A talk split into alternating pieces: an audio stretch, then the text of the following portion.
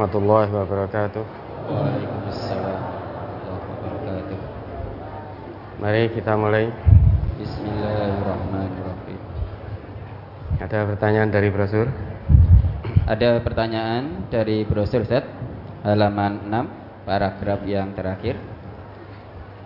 Kedua, dalam bertawakal jangan melakukan ikhtiar yang mudorotnya lebih besar daripada manfaatnya. Seperti menyelesaikan segala urusan dengan cara-cara yang tidak syar'i atau melakukan dengan cara yang haram. Misalnya, ketika seseorang ditimpa sakit yang berkepanjangan tidak kunjung sembuh, lantas karena bingungnya datang kepada dukun dan sejenisnya untuk menyembuhkan penyakitnya. Contoh lain, seorang istri yang menghadapi suatu masalah dengan suaminya. Seharusnya meminta pertolongan kepada Allah supaya diberikan jalan keluar yang terbaik dengan mengembalikan permasalahannya kepada Allah dan Rasulnya yaitu bermusyawarah dengan pihak keluarga suami dan istri bukan malah mencari pelarian dengan curhat atau menceritakan persoalan rumah tangganya dengan lelaki lain. Istri curhat sama pria lain membuat istri jatuh cinta pada pria itu walaupun sekarang sudah tidak berhubungan dengan pria itu. Kepercayaanku ke istri jadi berkurang. Mohon tausiahnya biar saya sebagai suami percaya lagi terhadap istri saya, Ustaz. Lah panjenengan ora penak dijak curhat toh. Nah, sampai istri curhat dengan pria lain, bahkan sampai jatuh cinta weting tresno jalaran soko kulino lah dulu hubungannya sejauh mana apakah hanya sebatas sekedar jatuh cinta atau hubungannya sejauh mana? Lah sekarang suami sedikit tergerus kepercayaannya kepada istri. Kalau memang suami sudah bisa menerima, menerima kembali dalam arti memaafkan, dan memang istri sudah betul-betul bertobat, menghentikan betul, sudah tidak berhubungan lagi, maka ya sudah, kotfata mafata. Bantu istri untuk bertobat, yang lalu biarlah berlalu. Kalau memang sudah bisa memaafkan, tidak perlu diingat-ingat lagi. Ya sudah, ya sudah. Dengan demikian, insya Allah akan bisa kembali kepercayaannya. Nah istri, kalau mendapatkan kepercayaan dari suami, jaga dengan baik kepercayaan ini. Istri yang baik menurut Allah itu yang seperti apa? Qanitatun hafidhatul lil ghaibi bima hafidallah. Itu istri yang senantiasa taat kepada Allah. Qanitat hafidhatul lil ghaibi dan menjaga kehormatan diri serta rumah tangga ketika suami tidak ada di rumah. Bima hafidallah karena Allah telah menjaga para istri Bentuk penjagaan Allah terhadap para istri salah satunya istri tidak berkewajiban mencari nafkah. Kalau istri tidak mencari nafkah, istri tidak berdosa. Yang punya kewajiban mencari nafkah adalah suami. Maka jika suami tidak mencari nafkah tanpa alasan yang dibenarkan oleh agama, dia berdosa. Ini salah satu bentuk Allah menjaga, melindungi betul para istri itu. Maka para istri ini hendaknya betul-betul menjaga diri dengan baik. Kalau ada permasalahan dengan suami, bicarakan yang baik dengan suaminya. Jangan malah curhat pada laki-laki lain. Suami saya wis nganyel ke tenan Sidik-sidik nesu, sedikit-sedikit marah. Isoe mau nesu tok. Dijalui duit tau ngekeki.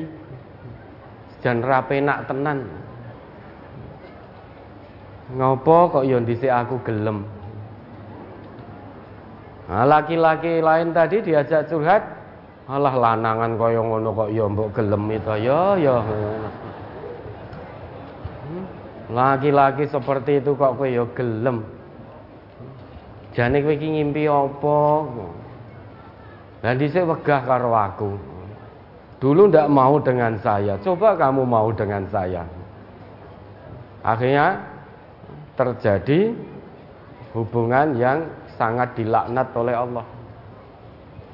Maka kalau ada permasalahan dengan suami, bicarakan yang baik. Kalau perlu, kirim juru damai dari keluarga suami dan dari keluarga istri. Coba dibuka kembali itu, Quran surat An-Nisa ayat 35. Wa in khiftum shiqaqa bainihima fab'athu hakaman min ahlihi wa hakaman min ahliha iyurida islaha yuwaffiqillah bainahuma Quran surat An-Nisa ayat 35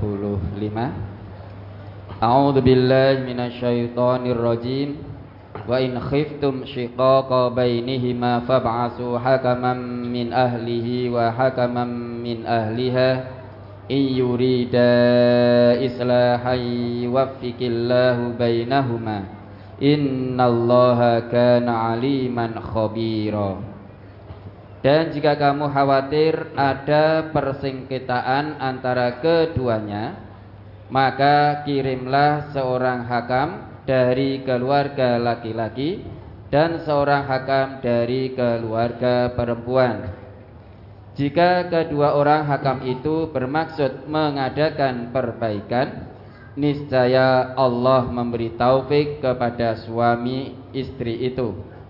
Sesungguhnya Allah Maha mengetahui lagi Maha mengenal. Jadi jangan curhat ke laki-laki lain. Kalau terjadi percekcokan, perselisihan dalam rumah tangga antara suami dan istri, tidak ada titik temunya, maka salah satu ikhtiar yang bisa dilakukan kirim salah seorang juru damai, hakam, juru damai dari keluarga suami dan salah seorang juru damai dari keluarga istri. Syaratnya kedua juru damai tadi itu niatnya untuk mengadakan perbaikan. Iyurida islaha. Kalau niatnya kedua-duanya untuk mengadakan perdamaian antara suami istri tadi, bukan dengan niatan lain, janji Allah yuwafikillah bainahuma. Allah akan turunkan taufik kepada suami istri itu. Taufik itu berarti bimbingan Allah dan kemudahan dalam menjalankan aturan Allah. Itu taufik namanya. Namun jika kedua juru damai tadi yang dari keluarga suami bela laki-lakinya, dari keluarga istri bela perempuannya, maka bukan perdamaian yang didapat yang terjadi pertengkaran semakin hebat. Yang bertengkar tidak lagi suami istri, malah keluarga suami dan keluarga istri. Padahal suami istri ini wis damai, wis awor meneh, wis turu bareng meneh. Malah keluarganya yang cekcok. Maka kedua juru damai tadi tujuannya hanya islah, tidak boleh punya tujuan yang lain. Kalau tujuannya islah, Allah akan turunkan taufiknya. Sehingga keduanya, yaitu suami istri itu, bisa menjalankan rumah tangga sesuai yang Allah kehendaki. Nah sekarang panjenengan suami kalau memang sudah memaafkan, sudah lupakan. Beri kepercayaan kepada istri, beri kesempatan.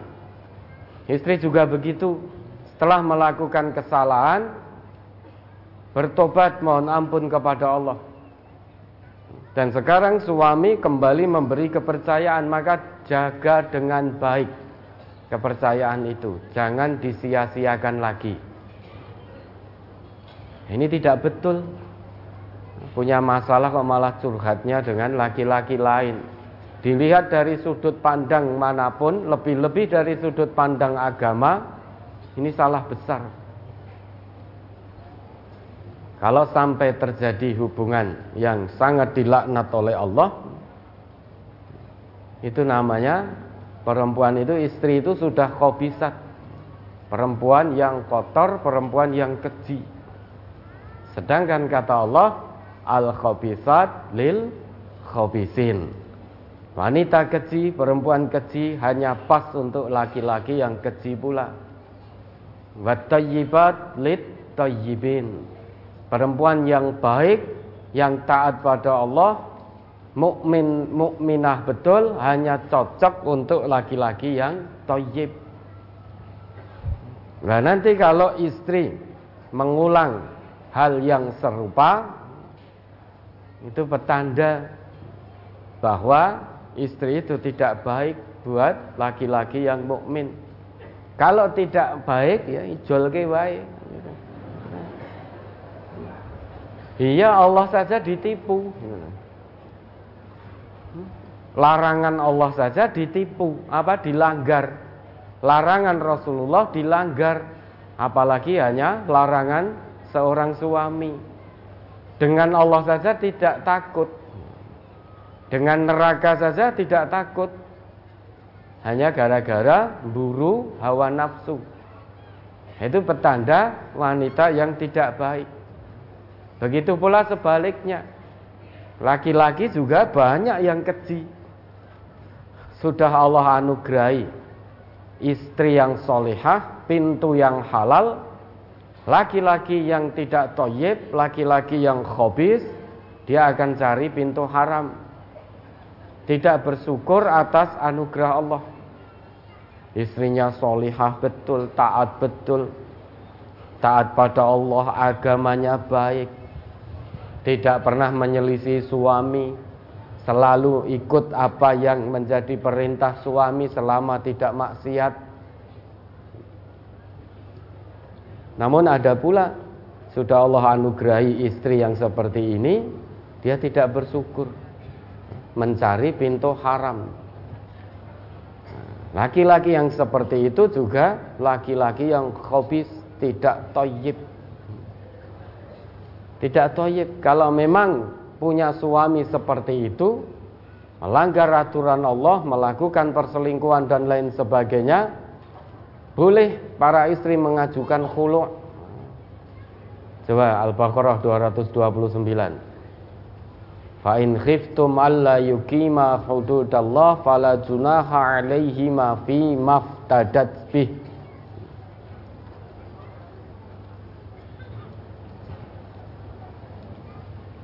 Surat Al-Baqarah surat kedua ya 229.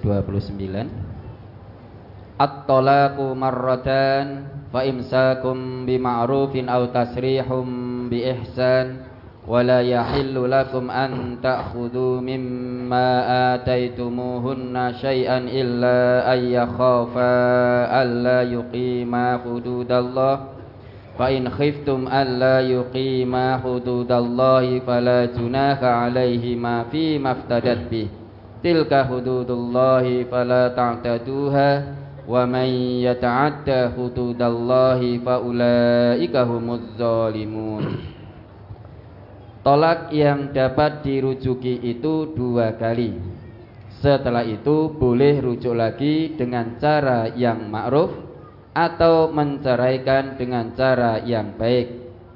Tidak halal bagi kamu mengambil kembali dari sesuatu yang telah kamu berikan kepada mereka kecuali kalau keduanya khawatir tidak akan dapat menjalankan hukum-hukum Allah.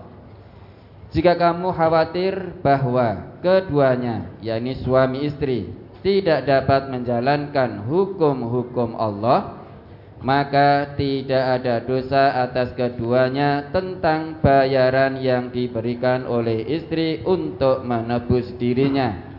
Itulah hukum-hukum Allah. Maka janganlah kamu melanggarnya. Barang siapa yang melanggar hukum-hukum Allah, mereka itulah orang-orang yang zalim. Ada notnya tidak itu? Ada Ustaz.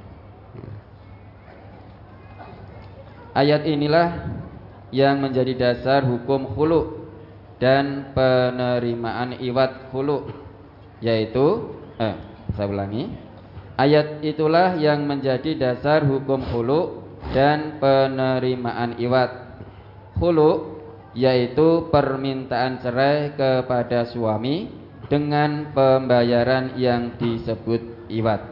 Ya dah. Jadi kalau ibu-ibu punya suami gaweane mau selingkuh, ora salat, suka judi dan lain sebagainya, minta cerai saja. Minta cerai. Kenapa suami yang seperti itu tidak baik? Maka boleh khulu. Khulu itu permintaan seorang istri agar dicerai suami dengan membayar iwat atau tebusan. Misalkan mengembalikan mahar yang dulu diberikan oleh suami. Ini tidak dosa. Daripada punya suami yang senantiasa melanggar ketentuan Allah. Berarti dalam rumah tangga itu hukum-hukum Allah tidak bisa tegak dalam rumah tangga. Rumah tangga yang jauh dari hukum Allah, jauh dari petunjuk Allah pasti tidak akan baik-baik saja. Akan selalu ada masalah terus. Allah saja diabaikan. Itu kulu dulu pernah ada istrinya Sabit bin Qais bin Syammas pernah datang kepada Nabi. Ani bin Abbas annam ra'ata Sabit ibni Qais ibni Syammas atatin Nabiya sallallahu alaihi wasallam. Dulu istrinya Sabit bin Qais pernah datang kepada Nabi dengan mengatakan, "Ya Rasulullah, Sabit ibnu Qais ma'atibu alaihi fi khulukin waladinin. Sabit bin Qais, aku tidak mencela akhlak dan agamanya. Ini istrinya Sabit yang ngomong kepada Nabi. Walakinni akrahul kufra fil Islam. Tetapi aku benci kekufuran dalam Islam. Artinya Sabit tidak bisa menjalankan kewajibannya sebagai seorang suami. Maka di situ ada kekufuran. Karena kewajiban seorang suami itu adalah hak istri. Begitu pula sebaliknya. Kalau salah satu di antara keduanya tidak menjalankan kewajibannya dengan baik, Berarti ada kekufuran menutup kebenaran. Istrinya Sabit tidak suka dalam arti benci. Terjadi penutupan kebenaran dalam Islam. Maka Nabi bersabda kepada istrinya Sabit tadi, Atarudina alaihi hadiqatahu Apakah kamu mau mengembalikan kebunnya Istrinya langsung jawab, "Na'am, mau wahai Rasulullah." Kemudian Nabi bersabda pada Sabit bin Qais, "Iqbalil hadiqah wa talliqha tatliqah." Terima kebunmu dan ceraikan talak istrimu dengan talak satu. Ini berarti khulu karena istrinya khawatir tidak bisa tegak hukum-hukum Allah dalam rumah tangga. Maka datang kepada Nabi mengatakan itu, kemudian diperintah oleh Nabi untuk mengembalikan mahar sebagai iwat tebusan dirinya. Ini tidak berdosa. Karena hukum Allah, ketentuan agama tidak bisa tegak dalam rumah tangga itu. Kalau tidak bisa tegak, mustahil sakinah mawadah warahmah itu mustahil. Maka ya sudah ya sudah, kot fata mafata, lupakan seolah-olah tidak pernah terjadi. Bismillah bersama-sama bantu istri untuk tobat. Bimbing istri ke jalan yang benar. Bersiap untuk menerima keluh kelah keluh kesah istri. Sesibuk apa pun para suami, luangkan waktu untuk menerima keluh kesah istri. Mungkin istri akan bercurhat tentang anak-anak, akan curhat tentang rumah tangga. Maka suami harus dengan sabar mendengarkan. Jangan langsung dijawab ngerti pora atau lagi mulai kerja wis kesel malah diceritani. Nah, nanti istri akan cari tempat curhat yang lain. Delalah ketemu laki-laki yang cocok, dia akan curhat terus. Bahkan keburukan suami juga disampaikan. Istri yang semacam ini dilaknat oleh Allah. Menceritakan rahasia rumah tangga kepada orang lain. Ya, bismillah, pahami betul tujuan pernikahan dari Allah itu, sakinah mawaddah warahmah. Kalau memang percaya pada istri, percaya sepenuhnya. Jangan suudon lagi. Kalau istri sudah mendapat kepercayaan dari suami, jaga kepercayaan suami dengan baik. Hafidhatul lil ghaib. Jaga kehormatan diri, kemudian jaga kehormatan rumah tangganya selama suami tidak ada di rumah. Kalau ini bisa dilakukan dengan baik oleh istri, dijamin oleh Nabi kita boleh memilih masuk surga dari pintu mana pun. Idza shallatil mar'atu khamsaha. Apabila seorang istri itu sholat lima waktu. Sholat lima waktu di saat suci, sholat lima waktu. Wasomat syahroha. Puasa di bulan Ramadan.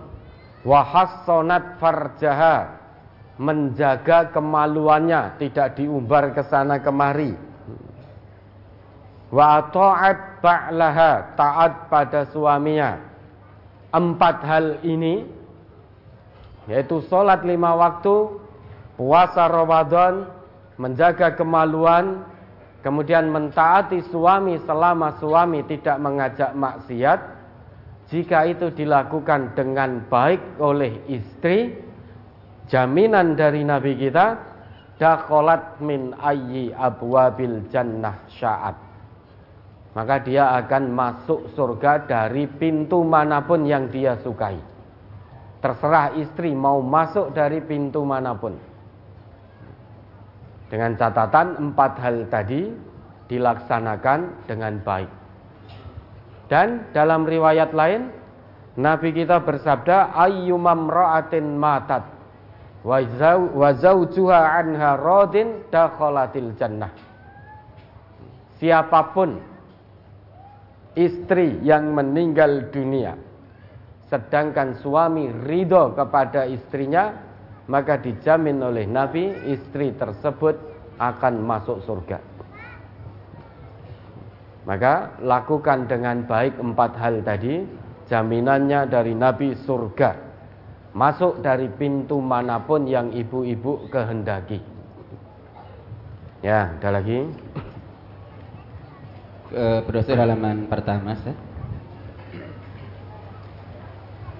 Walladzina sabaru wajhi rabbihim wa aqamus salata wa anfaqu mimma razaqnahum sirran wa alaniyatan wa yadra'una bil hasanati sayyi'ah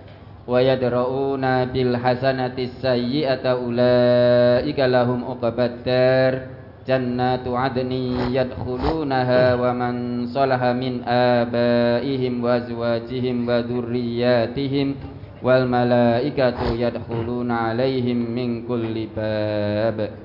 Salamun alaikum bima sabartum fa ni'ma uqbadar Dan orang-orang yang sabar karena mencari keridhaan Tuhannya mendirikan solat menafkahkan sebagian rezeki yang kami berikan kepada mereka secara sembunyi atau terang-terangan serta menolak kejahatan dengan kebaikan. Orang-orang itulah yang mendapat tempat kesudahan yang baik, yaitu surga Aden yang mereka masuk ke dalamnya bersama-sama dengan orang-orang yang soleh dari bapak-bapaknya, istri-istrinya, dan anak cucunya. Sedang malaikat-malaikat masuk ke tempat-tempat mereka dari semua pintu sambil mengucapkan Salamun alaikum bima sobartum. Maka alangkah baiknya tempat kesudahan itu. Ar-Ra'ad ayat 22 sampai 24 Pertanyaan Apakah nanti keluarga dan kerabat yang tidak beriman Tidak akan dipertemukan di yaumul akhir atau yaumul kiamah Ustaz. Iya no. Keluarga anak cucu, istri atau suami, orang tua sekalipun ada hubungan nasab namun jika selama menjalani amanah hidup dari Allah dia jauh dari petunjuk Allah jauh dari tuntunan Rasulullah, maka dia tidak akan dipertemukan dengan anggota keluarga yang memang menjalani hidup dengan keimanan dan ketakwaan. Tidak akan bertemu di sana. Semuanya akan terputus hubungan kekerabatan. Hanya hubungan yang kekerabatan persaudaraan yang diikat dengan iman dan takwa itu yang akan langgeng dunia akhirat. Kalau hubungan kekerabatan, hubungan persaudaraan tanpa ikatan iman dan takwa, maka jika terjadi hari kiamat, semuanya akan terputus itu. Tidak bisa saling menolong. Suami tidak bisa menolong istri, istri tidak bisa menolong suami, Orang tua tidak bisa menolong anak, anak tidak bisa menolong orang tuanya. Masing-masing bertanggung jawab dengan amal perbuatannya sendiri-sendiri. Coba diingat kembali itu Quran surat Abasa itu. Dimulai dari faida ja'atis sokhah yauma yafirrul mar'u min akhi wa ummihi wa abih wa sahibatihi wa bani likulli imri'in minhum yauma idzin sya'nu yughni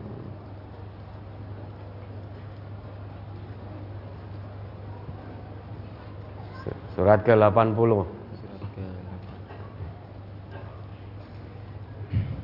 Surat Abasa surat ke-80 mulai dari ayat 34. Yauma yafirrul mar'u min akhi wa ummihi wa abi. Dimulai fa idza ja'atis. Oh, apa?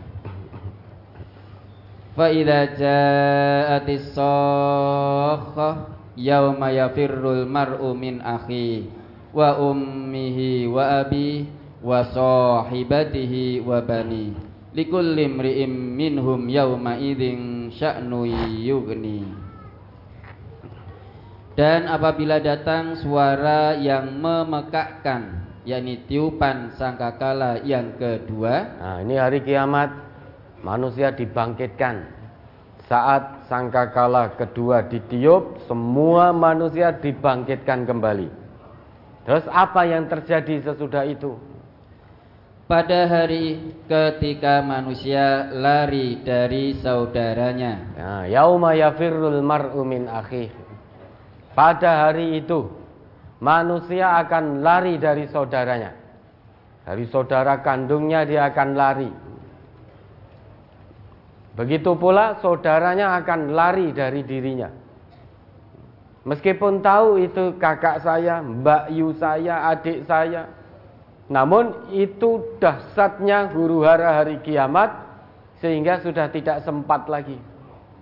Sudah tidak terpikir lagi. Semuanya lari dari hubungan persaudaraan. Pengen selamat sendiri-sendiri. Terus lari dari ibu dan bapaknya. Nah, lari dari kedua orang tuanya. Orang tua juga lari dari anaknya, berlepas. Ya, semuanya berlepas. Tiora kober nulungi liyane. Sibuk dengan keselamatan dirinya sendiri. Bahkan orang tuanya pun tidak dipedulikan lagi. Terus? Lari dari istri dan anak-anaknya. Lari dari pasangan hidupnya. Suami lari dari istri dan anaknya. Istri lari dari suami dan anak-anaknya. Padahal sejak di dunia hubungan kekerabatan ini saling menyayangi, saling mencintai. Orang tua sangat sayang pada anaknya. Bahkan banyak orang tua ketika di dunia tidak tega melihat anaknya sakit. Banyak yang mengatakan utamanya ibu, nek bapak ngono mungkin si rodok tega. Ya. Ibu alah lele umpama panasmu iso dipindah wis pindah ning ibu. Tapi itu tidak berlaku di hari kiamat. Walah lele kowe kok ning neraka, ibu wae sing neraka sing ning neraka kowe ning surga. Enggak akan berlaku itu. Anaknya merengek-rengek kepada ibu, kepada bapaknya karena mungkin anaknya disiksa di neraka. Pak, Bu, gantikan tempat saya. Bapak ibunya akan jawab, wis rasakno dhewe lele. Aku pengen ning surga. Kamu di neraka wis silahkan dirasakan sendiri. Saya pengen di surga. Tidak mau saya menggantikan posisimu. Sengsoro. Terus? Setiap orang dari mereka pada hari itu mempunyai urusan yang cukup menyibukkannya. Nah, likulli minhum yauma idzin sya'nu yukhni. Semuanya sibuk dengan urusannya sendiri-sendiri. Pengen selamat semua pengen selamat. Jangankan huru hara hari kiamat. Kemarin huru hara covid saja loh. Banyak keluarga yang pengen selamat dewi-dewi. Ada anggota keluarganya, istrinya terkena, suaminya harus nyedak wedi-wedi wani. Nek nyedak arep wani, kok nek ketularan piye? Nek ketularan aku mati piye? Amal kurung cukup. Sehingga memberi makanan istri nuwun sewu. Kayak memberi makan segawon kayak kayak ngarep lawang wis. Kayak kayak ngarep lawang centel ke. Hmm? jangankan huru hara hari kiamat. Huru hara covid kemarin saja semuanya sibuk cari selamat sendiri-sendiri. Sibuk semuanya Saudaranya ada yang kena, kakaknya, adiknya, mbak Yunya. Itu dipojokkan di karantina. Nek keluar mau keluar kon ngandani sih. Wih, saya mau keluar. Nah, nanti mau keluar anggota keluarga yang lain lebu kamar dewi-dewi. Demok itu saja, demok dulurin, demok anaknya megang keluarganya yang kebetulan kena covid bar kuwi ya was-was engko naik ketularan piye. Wijike ora ping pisan sudah pakai sabun belum marem nganggo hand sanitizer sisan. Itu huru hara covid sudah sedemikian dahsyatnya. Semuanya pengen selamat sendiri-sendiri. Sebetulnya hanya sama takutnya. Podo-podo takut mati Kenapa kau takut mati? Sakjane ya sadar amalnya belum cukup. Nah aku mati saiki berarti sudah terputus kesempatan untuk mengumpulkan bekal. Maka salah satunya dengan cara menghindar. Karena nanti saya kalau tertular, terkena pasti mati. Siapa yang memastikan mati? Kan dirinya sendiri yang memastikan mati. Itu sudah dahsyat sekali. Banyak keluarga yang tidak peduli lagi dengan anggota keluarga yang terkena Covid. dikucilkan, disendirikan. Apalagi kedahsatan huru hara hari kiamat. Yubassarunahum yawaddul mujrimu law yaftadi min adabi yauma idzim bibani. Itu lebih dahsyat lagi. Coba dibuka itu Al-Ma'arij. Ayat berapa itu? Mulai ayat 10 atau berapa itu?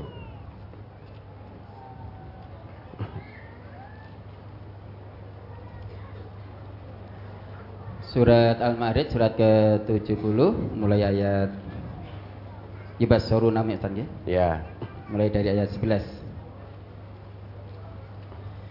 Yubassarunahum yawaddul mujrimu law yaftadi min adabi yaumin bibani wa wa akhi wa fasilatihi allati tuwi wa man fil summa yunji. Sedang mereka saling melihat. Orang kafir ingin kalau sekiranya dia dapat menebus dirinya dari azab hari itu dengan anak-anaknya. Ya. Yubassarunahum. Anggota keluarga, karib kerabat pada kedahsyatan hari kiamat, mereka saling melihat satu dengan yang lain. Seorang pendurhaka, seorang pendosa, pada waktu itu sangat ingin sekali menebus siksaan yang dia terima dengan anak-anaknya. Dia akan ajukan tawaran kepada Allah. Ya Allah, keluarkan saya dari siksaan api neraka ini. Ini semua anak-anakku yang dulu sangat aku cintai di dunia. Sangat aku sayangi di dunia. Akan menggantikan posisiku di neraka. Seret anak-anakku ya Allah masuk ke neraka, keluarkan aku. Dari neraka masukkan aku ke surga. Ternyata tidak bisa. Karena pada hari itu sudah tidak ada tolong menolong. Ya. Karena tidak bisa, semakin gila dia. Bukan anak-anaknya saja yang ditawarkan sebagai tebusan. Terus dan istrinya dan saudaranya. Ha. Bukan anaknya saja tapi wasahibatihi wa akhi. Ya Allah jika anak-anakku yang sangat aku cintai belum mampu belum engkau terima sebagai tebusanku. Ini pasangan hidupku ya Allah. Kalau itu istri ya berarti suaminya. Kalau suami ya berarti mengajukan istrinya sebagai tebusan tambah pasangan hidupku dan semua saudara-saudaraku ya Allah. Seret semuanya ke neraka, masukkan aku ke surga. Ternyata juga tidak diterima oleh Allah. Ditambah lagi tawarannya. Terus dan kaum familinya yang melindunginya di dunia. Wa fasilati tuwi. Family keluarga besarnya tidak hanya anak-anaknya, tidak hanya pasangan hidupnya dan saudara-saudara kandungnya, semua keluarga besarnya yang dulu ketika di dunia senantiasa melindungi dirinya, dia ajukan kepada Allah. Kalau begitu tambah semua keluarga besarku ya Allah. Jangan sisakan satu pun di antara mereka, masukkan semuanya ke neraka untuk menggantikan posisiku ternyata juga tidak dikabulkan oleh Allah. Terus dan orang-orang di atas bumi seluruhnya nah, kemudian mengharapkan tebusan itu dapat menyelamatkannya. Eh, tambah rawaras ora kenal barang diajukan sebagai tebusan. Waman fil ardi summa waman fil ardi jami'an summa yunjih. Kalau begitu ya Allah, aku tambah semua manusia di atas muka bumi ini untuk aku jadikan tebusanku. Seret mereka semuanya ke neraka, keluarkan aku, masukkan aku ke surga. Orang yang tidak dia kenal pun saking beratnya menahan siksaan neraka sampai-sampai orang yang tidak dikenal pun juga akan diajukan sebagai tebusan.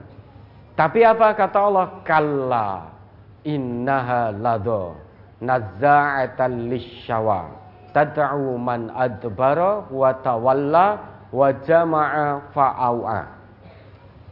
Kalla sekali-kali tidak. Semua tebusan, semua tawaran yang kamu ajukan tidak akan pernah diterima Innaha lado. Sesungguhnya neraka itu api yang bergejolak.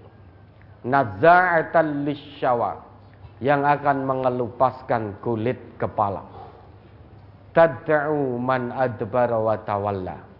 Dan neraka itu terus memanggil orang yang membelakangi. Membelakangi kebenaran agama Allah. Yang terus menentang Allah, menentang Rasulullah, dia akan dipanggil-panggil oleh neraka. Dan neraka juga akan terus memanggil orang yang berpaling dari ketentuan Allah dan Rasulnya. Wajama'a fa'awa. Dan neraka akan memanggil, artinya menjadi tempat bagi orang yang mengumpulkan harta benda, kemudian menyimpannya, tidak mau mengeluarkan zakat, tidak mau infak, tidak mau sedekah. Sehingga dia hanya mencari harta benda untuk dihitung-hitung dan dikumpulkan untuk kepentingannya sendiri. Itu tempatnya di neraka. Semua tebusan tidak diterima oleh Allah. Maka kalau ada anggota keluarga yang tidak iman pada Allah, jangan harap kelak di sana akan dipertemukan oleh Allah. Oleh sebab itu Allah perintahkan ku anfusakum wa ahlikum nara.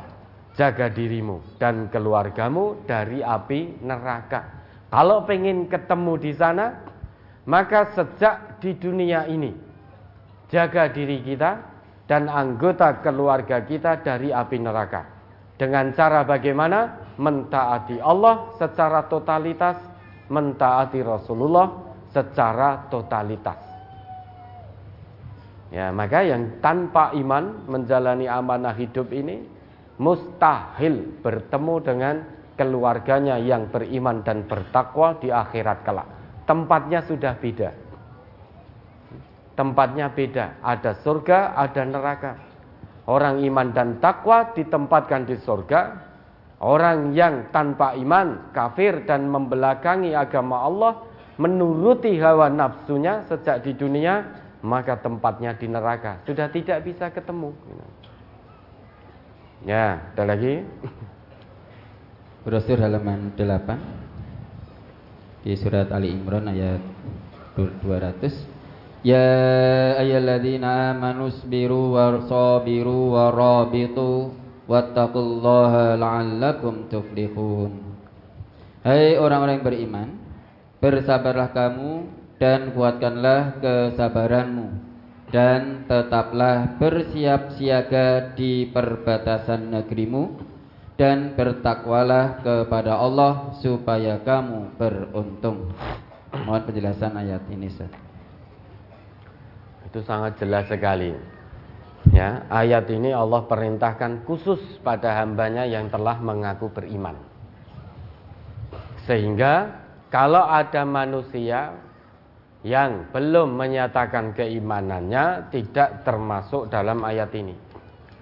Ayat ini mengingatkan kita, Allah dengan penuh kelembutan menyapa hamba-hambanya yang mengaku beriman. Mengingatkan hamba-hambanya yang mengaku beriman. Tujuannya apa? Agar hamba-hamba yang telah mengaku beriman itu tidak tertipu dengan pengakuan imannya. Sehingga imannya betul-betul dibuktikan. Tidak hanya sebatas pengakuan di lesan, namun dibuktikan dalam kehidupan sehari-hari dengan amal soleh. Dan diwanti-wanti oleh Allah untuk menjalani kehidupan ini sebagai amanah dari Allah tidak bisa tanpa sabar dan kesabaran. Karena Allah hanya akan bersamai hamba-hambanya yang bersabar. Karenanya diingatkan, ya ayyuhalladzina amanusbiru. Wahai hamba-hamba yang telah menyatakan keimanannya. Kalau kita baca ayat ini dengan hati yang bening, menyertakan mata hati, tentu kita akan terasa. Karena kita sudah menyatakan diri sebagai orang iman. Akan kita perhatikan betul ayat Allah ini. Karena Allah khusus menyapa hambanya yang beriman. Di situ Allah perintahkan isbiru wasobiru. Bersabar dan kuatkanlah kesabaranmu. Warobitu ribat. Tetap bersiap siaga di perbatasan negeri. Dulu ribat. Jadi orang-orang itu dulu kaum muslimin, orang yang beriman itu senantiasa bersiap siaga, ribat, menjaga perbatasan negerinya. Jangan sampai musuh-musuh masuk memporak-porandakan negerinya. Maka selalu bersiaga, ribat. Nah saat ini tidak dalam kondisi perang. Namun kita tetap ribat.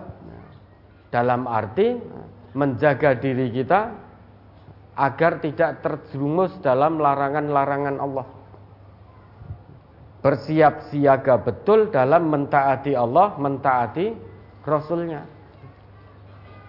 Orang yang sabar, yang terus menerus meningkatkan kesabaran, dan terus melakukan ribat, mempersiapkan diri dengan benar, itulah orang yang bertakwa. Wattaqullah. Takwalah kepada Allah. La'allakum tuflihun agar kamu beruntung. Jadi orang yang beruntung itu orang yang bertakwa. Orang yang bertakwa punya ciri setidaknya tiga ciri dalam ayat ini. Yang pertama sabar tanpa batas. Yang kedua wasobiru kuatkan tingkatkan terus kesabaran itu. Dari sabar setiap waktu meningkat kesabarannya meningkat terus kesabarannya. Kemudian ribat. Betul-betul menjaga diri.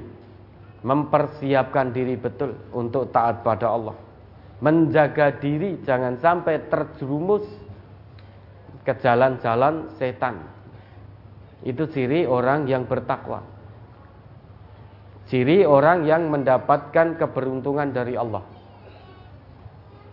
Dan sabar itu tanpa batas. Kalau sabar itu ada batasnya di sisi Allah, niscaya Allah tidak akan turunkan ayat memerintahkan hambanya yang beriman untuk bersabar. Kalau sabar di sisi Allah ada batasnya, niscaya tidak akan ada ayat yang berbunyi innallah ma'as sabirin. Sesungguhnya Allah beserta hamba-hambanya yang sabar. Maka Sabar di sisi Allah itu tanpa tepi, tanpa batas. Selama kita masih hidup di dunia, selama nyawa masih dikandung badan, maka kewajiban kita bersabar. Dalam arti kewajiban sabar ini sampai nanti ajal menjemput. Selama masih hidup, selama itu pula kewajiban kita untuk bersabar dalam menghadapi segala hal, segala kondisi dan situasi. Termasuk dalam menghadapi naiknya BBM, sabar. Iya, sabar. Ini kondisi mungkin bagi kita memang tidak mengenakkan. Tapi kewajiban kita sabar. Sabar aktif tentunya bukan sabar pasif sabar. Selama hayat masih dikandung badan, selama itu pula kewajiban kita bersabar. Selama iman masih ada di dalam jiwa, selama itu pula kewajiban kita bersabar. Kalau sudah tidak ingin bersabar, maka jangan jadi orang yang beriman. Karena orang yang tidak beriman kepada Allah tidak punya kewajiban sabar. Namun demikian di dunia dia sengsara, di akhirat lebih sengsara, tidak dapat bagian. Dan sabar itu bagi orang yang beriman adalah ujian. Sehingga orang beriman itu diuji, orang kafir, orang yang tidak ada iman itu tidak diuji oleh Allah, namun diujo. Bedanya itu. Di dunia mereka diujo, sepertinya sehat terus ora tahu loro. Rezekinya lancar terus. Bisnisnya sukses. Pekerjaannya sukses. Karirnya terus meningkat. Padahal setiap saat maksiat. Ini diujo. Istidrat namanya. Begitu nanti tiba waktunya Allah datangkan adab.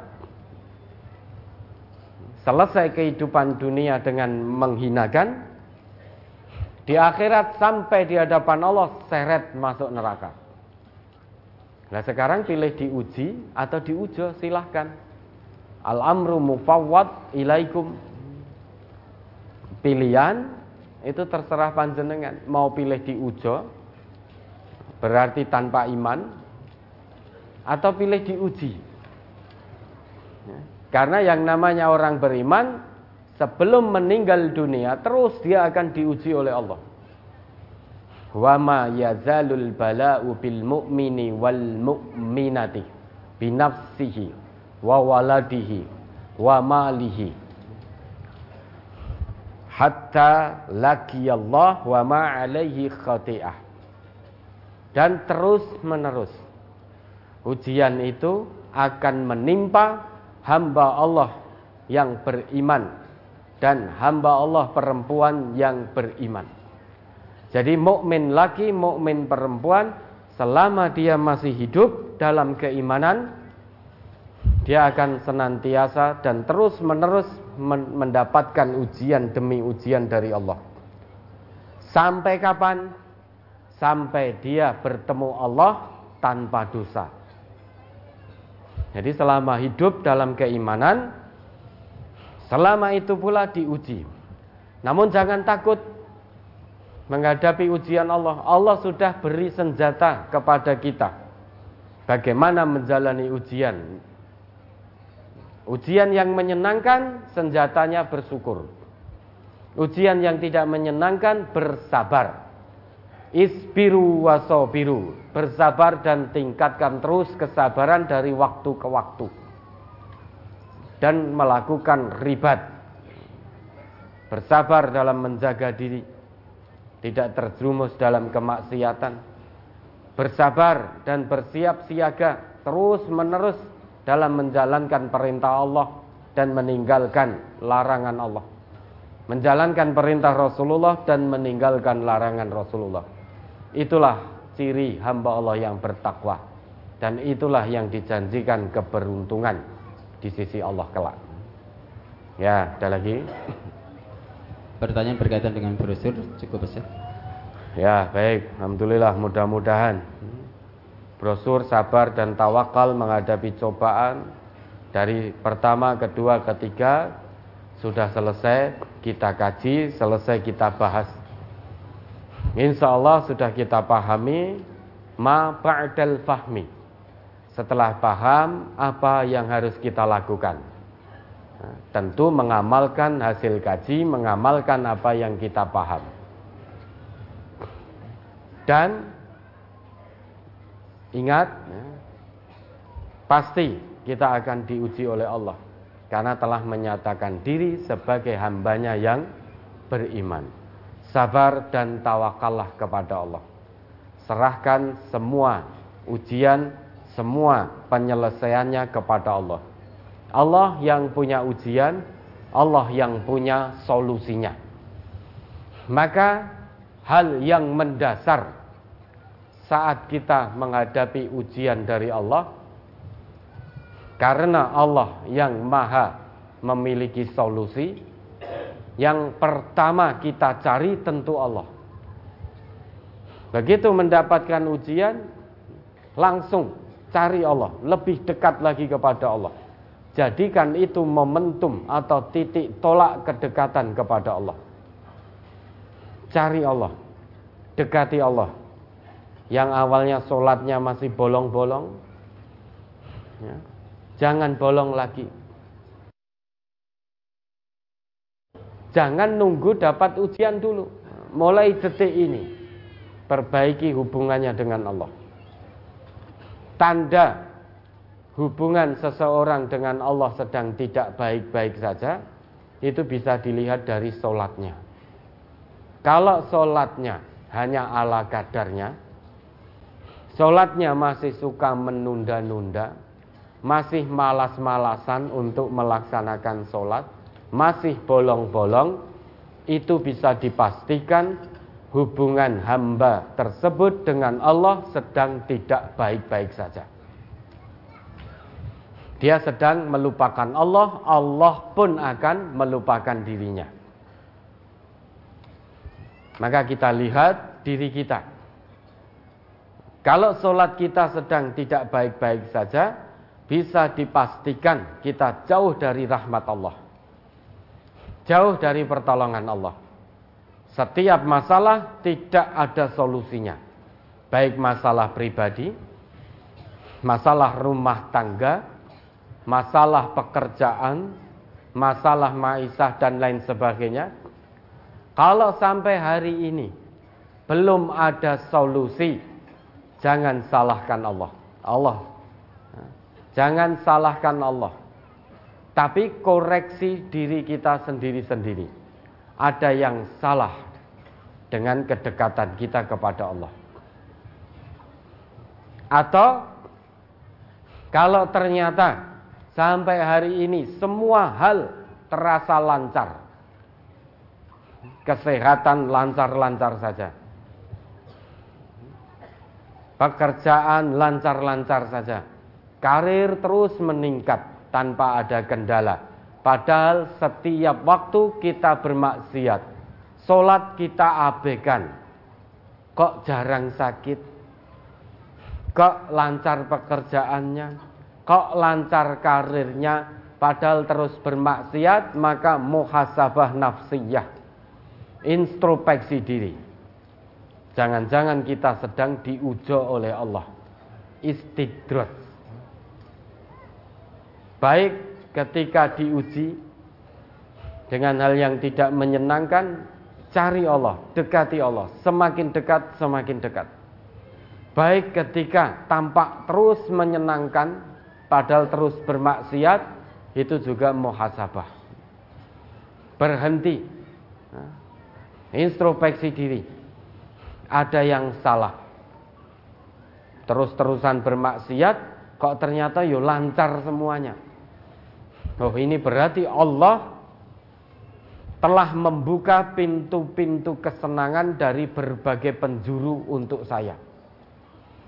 Saya terus bermaksiat, bekerja juga dengan menipu, memalsu tanda tangan, markup anggaran, menyerobot milik orang lain, korupsi dan lain sebagainya kok ratau loro. Kok lancar terus ratau konangan muhasabah. Jangan-jangan Allah telah bukakan pintu kemaksiatan lebar-lebar, pintu kesenangan dari berbagai penjuru. Ini namanya istidrot ini namanya diujo. Nah nanti saat kita bersenang-senang dengan apa yang kita terima ini akan datang azab Allah secara tiba-tiba lebih cepat daripada kedipan mata manusia. Saat azab datang, ya sudah. Yang bisa dilakukan hanya terdiam berputus asa. Pintu tobat sudah tertutup rapat. Seperti Fir'aun ketika hendak tenggelam dia menyatakan keimanannya pada Tuhannya Musa. Namun itu sudah adab. Pintu tobat sudah tertutup rapat, tidak akan diterima. Sebelum terlambat maka berhenti semuanya dari kemaksiatan apa pun bentuknya. Kembali kepada Allah. Namun kita akan kembali kepada Allah pasti akan diuji oleh Allah dengan hal-hal yang tidak menyenangkan. Ketika itu terjadi, tetap dalam kesabaran, tetap dalam keimanan. Karena Allah hanya akan membersamai hamba-hambanya yang bersabar. Sebelum mati, jangan tinggalkan sabar dan kesabaran. Kewajiban kita sebagai hamba yang beriman, sabar dan terus menjaga kesabaran ini di setiap waktu sampai nanti ajal menjemput. Ya, mari kita lanjutkan menjawab pertanyaan yang sudah tertunda. Nomor 8 Saya mau tanya tentang berzikir setelah sholat subuh dan apa-apa saja yang harus dibaca Ustaz. Tentang zikir ba'da sholat Insya Allah sudah ada brosurnya. Nanti Bapak Ibu bisa lihat kembali Dalam kumpulan brosur itu tertanggal 24 Februari tahun 2019 Bapak Ibu ketika sudah sholat wajib Di antara zikir yang dituntunkan oleh Rasulullah itu istighfar berapa kali? Tiga kali. Kemudian sesudah itu mengucapkan Allahumma antas salam wa minkas salam tabarakta dzal jalali wal ikram. Dalam riwayat lain tabarakta ya dzal jalali wal ikram. Bagaimana istighfar itu? Istighfar sesudah sholat wajib dalam zikir. Ya. Istighfarnya astaghfirullah, astaghfirullah, astaghfirullah. Nanti Bapak Ibu bisa lihat itu. Dalam hadis riwayat Muslim juz 1 halaman 414 nomor hadis 135 dari Sauban an Saubana qala dari Sauban ia berkata Karena Rasulullah sallallahu alaihi wasallam dahulu Rasulullah sallallahu alaihi wasallam hidan sorofa min solatihi istaghfara salatan. Apabila beliau selesai dari mengerjakan solat, beliau istighfar tiga kali. Waqala kemudian beliau mengucapkan Allahumma antas salam wa salam tabarakta dal jalali wal ikram. Qala al-Walid Walid berkata Fakultu lil Auza'i. Aku bertanya kepada Auza'i Kaifal istighfar? Bagaimana istighfar? Artinya istighfar Sesudah sholat wajib Dijawab Takulu astagfirullah astagfirullah Kamu mengucapkan astagfirullah astagfirullah Kemudian sesudah itu apa yang diucapkan? Subhanallah berapa kali? 33 kali. Kemudian Alham setelah istighfar kan Allahumma antas salam tadi ya. Kemudian setelah itu Subhanallah 33 kali, Alhamdulillah 33 kali, Allahu Akbar 33 kali. Fatilka tis'atun wa tis'una. Itulah yang demikian 99 kali. Subhanallah 33 kali. Tambah alhamdulillah 33 kali. Tambah Allahu akbar 33 kali. Berarti 99 kali wa qala tamamal mi'ah kemudian yang ke-100 dia mengucapkan la ilaha illallah wahdahu la syarikalah lahul mulku wa lahul hamdu wa ala kulli syai'in qadir ghufirat khatayahu wa ingkanat mitla zabadil bahri. Dosa-dosanya, kesalahan-kesalahannya akan diampuni meski sebanyak buih di lautan. Ya, nanti bisa dilihat hadis riwayat Muslim juz 1 halaman 418 nomor hadis 146. An Abi Hurairah ar Rasulillah sallallahu alaihi wasallam. Dari Abu Hurairah dari Rasulullah sallallahu alaihi wasallam beliau bersabda, "Man sabbahallah fi duburi kulli salatin." Siapa yang bertasbih kepada Allah dalam arti mengucap subhanallah setiap habis sholat wajib 99 kali. Tis'atun wa tis'una.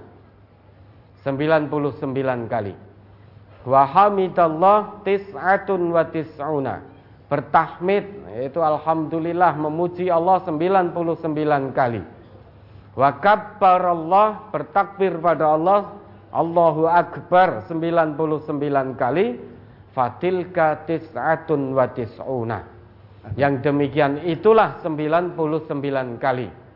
Wa qala tamamal mi'ah.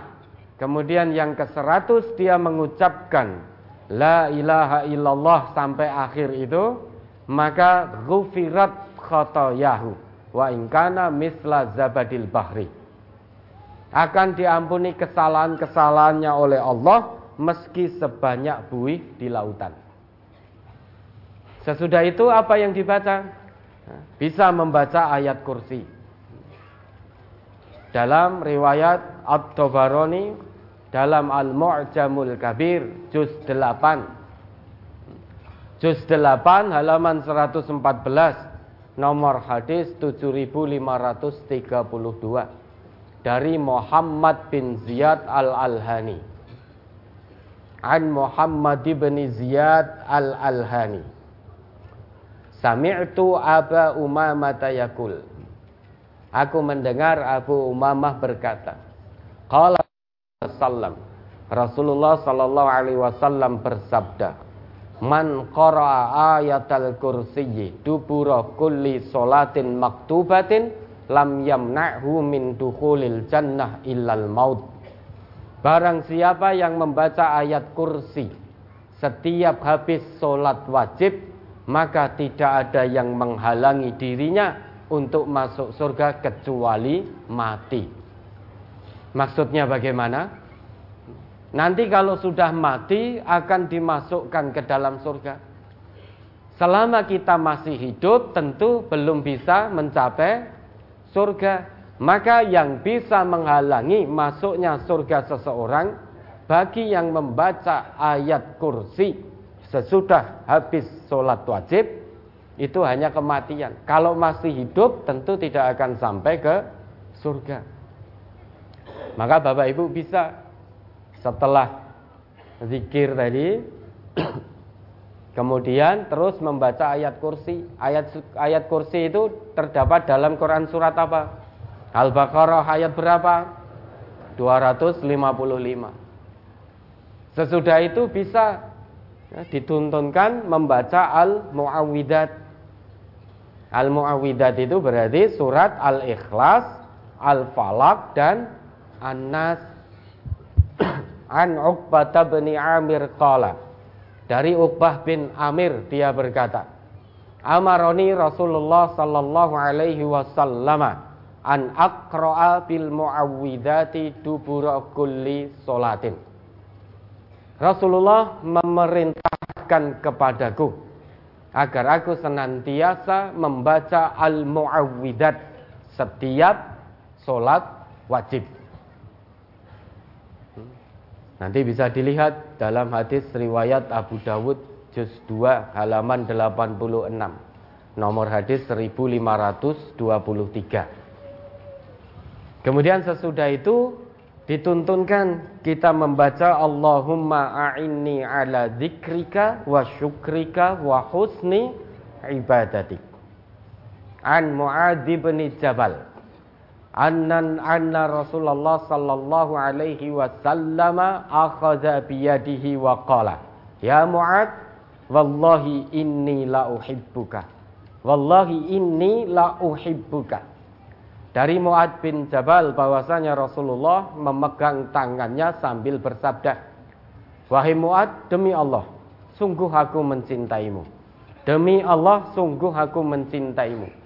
Usika ya Muad, aku wasiatkan kepadamu wahai Muad, la tada'anna, jangan sekali-kali kamu tinggalkan fi duburi kulli solatin.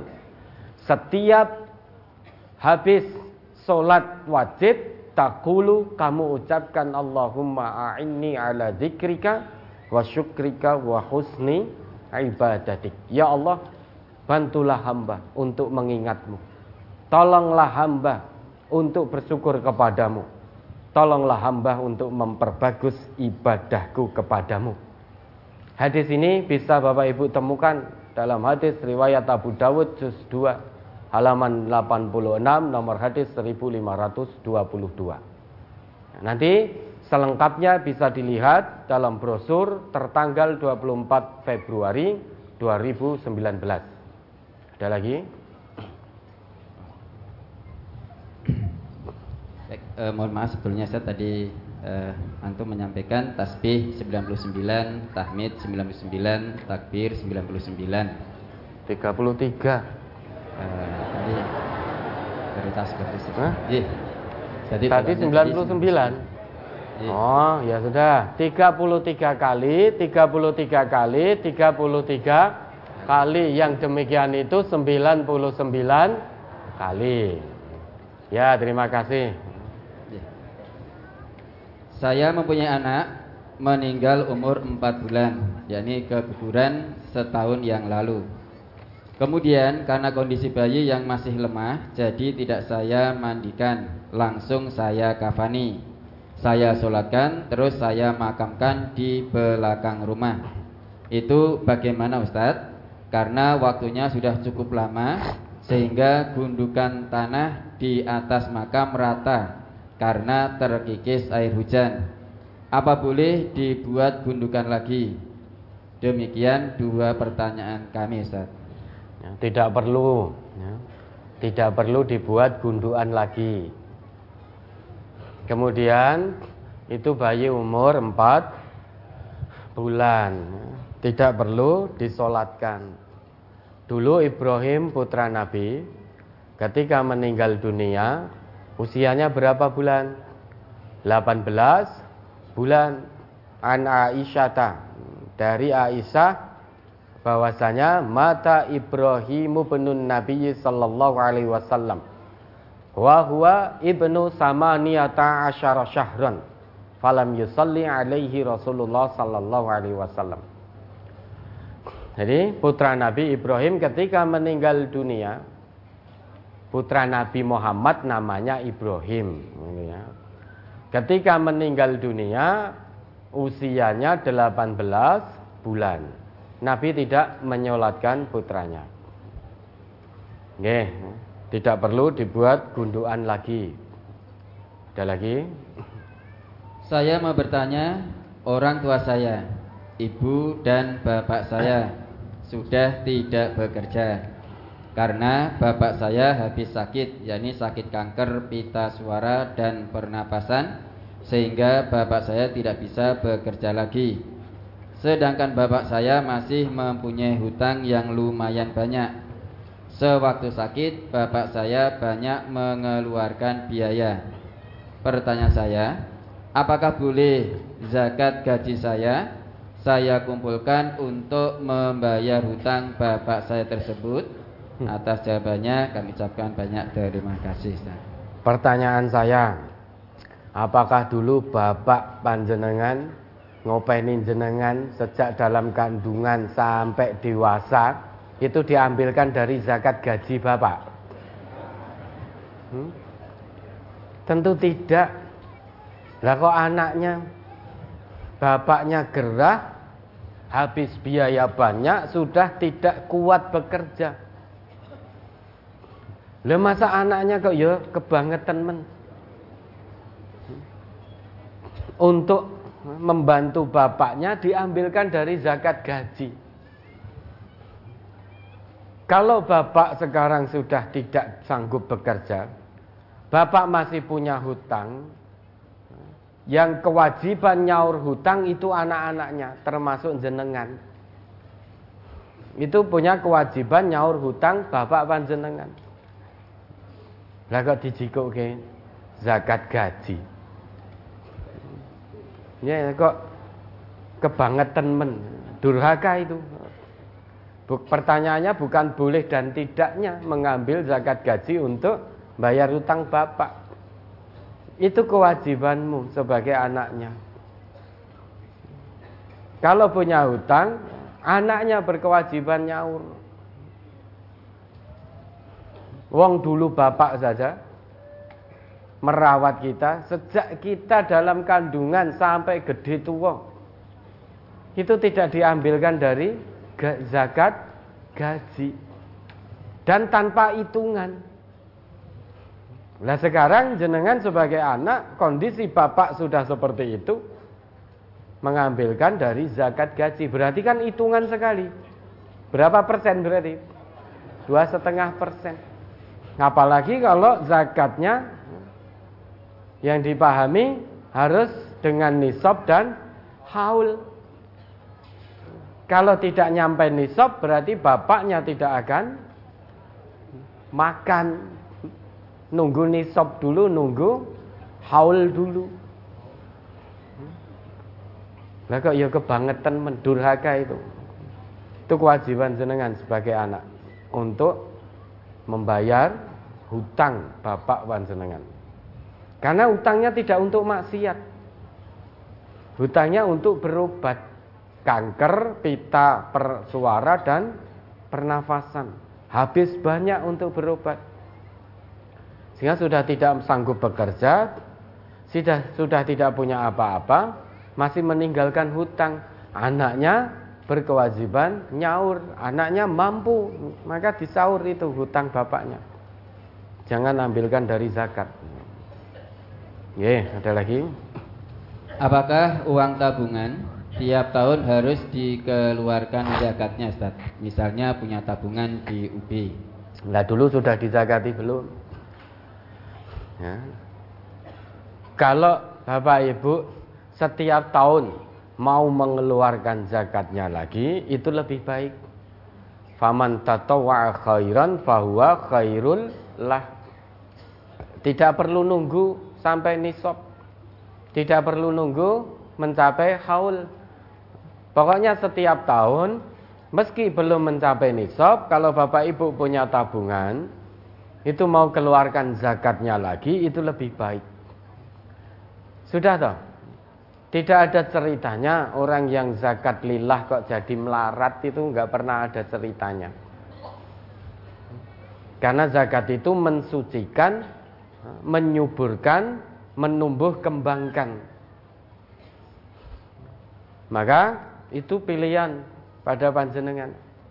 Kalau memang setiap mau nabung sudah dizakati, mencukupkan itu ya tidak masalah.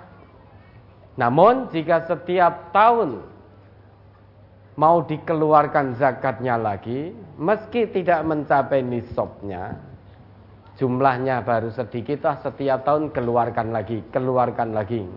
Itu lebih baik meskipun sebelumnya juga sudah dizakati. Tidak usah terlalu jelimet masalah zakat itu. Jangan takut untuk zakat.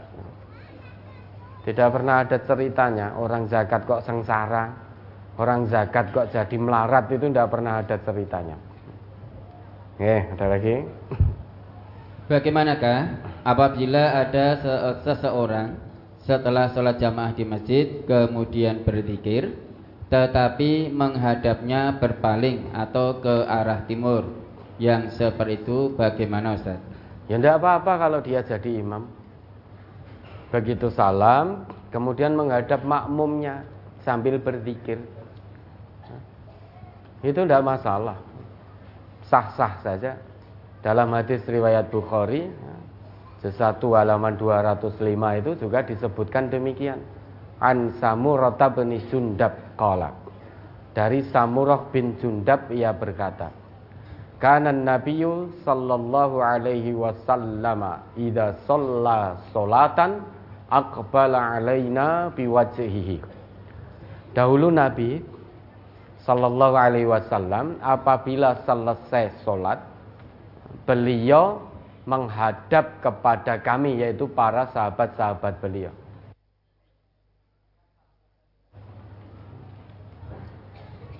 Sah-sah saja kalau dia jadi imam begitu salam terus menghadap makmum sambil berzikir. Ya, ada lagi. Orang yang mengamini doa orang lain apakah akan mendapatkan apa-apa yang didapat oleh orang yang berdoa padahal dia berdoa untuk dirinya sendiri Ustaz. Nah, contohnya apa? Misalkan ada seorang yang berdoa, "Ya Allah, mudahkanlah hamba untuk diterima jadi ASN." Kita yang mendengar, amin. Kemudian betul doanya dijawab oleh Allah, diterima jadi ASN. Maka yang mendapatkan yang menjadi ASN ya fulan. Kita yang amin jadi ASN apa tidak? Ya tidak. Namun demikian kita dapat kebaikan. Kenapa? Karena ikut bahagia ikut senang saudara kita mendapat nikmat dari Allah. Kita ikut senang. Tidak iri. Allah tompo ASN paling lewat buri ya. Paling nyogok. Nah, itu berarti ada penyakit hati. Namun jika hati kita jauh dari penyakit hati, kita mendengar saudara kita mendapat nikmat, kita akan senang dan ikut mendoakan. Mudah-mudahan menjadi pribadi yang muktaman, bisa menjaga amanah dari Allah ini dengan baik, tidak terlena dengan pangkat, kedudukan dan pekerjaannya, tidak tertipu, tidak silau dengan kehidupan dunia. Pangkatnya, amanahnya, jabatannya betul-betul mudah-mudahan lebih bisa mendekatkan dirinya kepada Allah bukan untuk kesombongan, bukan untuk kesewenang-wenangan. Kita mendoakan ikut senang, maka kita dapat kebaikan. Ya, ada lagi. Apakah wanita kalau keluar rumah harus pakai kaos kaki atau sepatu untuk menutupi kakinya? Apakah kaki wanita termasuk aurat, Set? Tidak. Kaki yang dimaksud tentu delamaan toh. Karena yang ditanya tadi, apakah wajib pakai kaos kaki atau pakai sepatu agar tertutup telapak kakinya, kan begitu. Ya, tidak wajib. Wanita mau keluar tidak wajib pakai kaos kaki agar delamaannya ketutup ataupun pakai sepatu.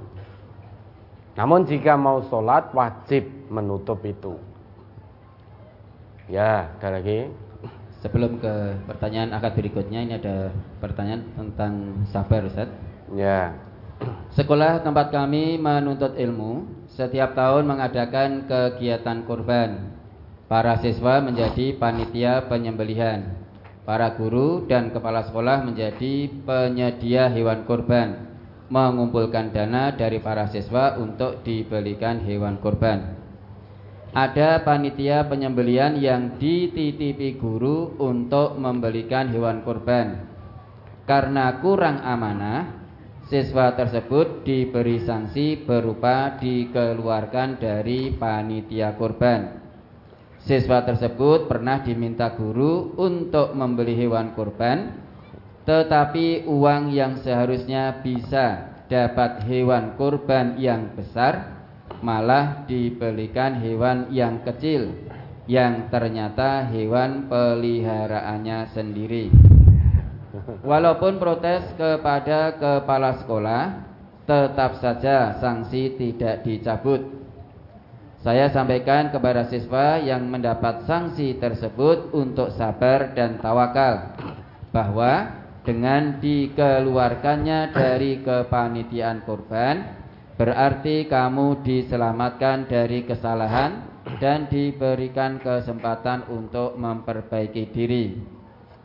Setelah pelaksanaan kurban selesai, biasanya kita adakan evaluasi bersama. Tahun ini ditiadakan karena panitia yang bertugas menyediakan hewan kurban tidak mampu menyediakan hewan tidak mampu menyediakannya Hewan yang dikirim ke panitia banyak yang tidak memenuhi syarat kurban. Ternyata kesalahan ini sudah terjadi berulang kali.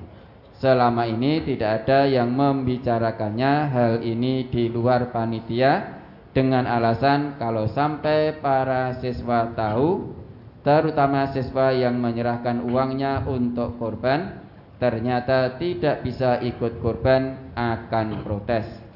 Ditakutkan lagi sekolah akan kacau karena kepala sekolah dan gurunya kurang amanah. Bagaimanakah yang demikian itu, Ustaz? Yang demikian ya dosa itu. Nah, itu iuran sesuai dengan ketentuan dari Nabi apa pokoknya ngelumpukke terus tukokke sapi tukokke wedus.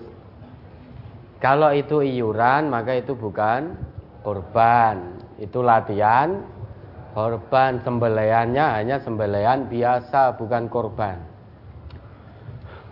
Karena ada ketentuannya. Kalau sapi maksimal berapa iurannya? Tujuh orang. Kalau hewan, kalau kambing berapa? Satu. Maka kalau iuran yang lebih dari tujuh, kalau itu sapi, maka itu di luar tuntunan Nabi. Itu bukan korban. Itu hanya sembelian biasa. Insya Allah halal. Namun tidak dinilai sebagai korban. Namun demikian, ternyata kalau betul yang ditanyakan tadi, ada pengkhianatan amanah. Para siswa dan guru mengumpulkan uang untuk dititipkan kepada panitia penyedia hewan. Saya tidak katakan hewan korban karena bukan korban. Untuk dibelikan sapi, titip atau untuk dibelikan kambing. Ternyata sebagian guru dan panitia tadi tidak amanah. Dan terbukti hewan tadi tidak terbeli atau terbeli namun tidak sesuai ukurannya. Misalkan kemarin ya ukurannya 23 berarti harganya berapa? 2,1. 23 kilo berarti harganya 2,1 sudah diumumkan ke siswa sekolah itu. Siswa sekolah menyetorkan uang sejumlah 2,1 untuk membeli hewan korban, apa namanya, hewan kambing tadi, seberat 23 kilo.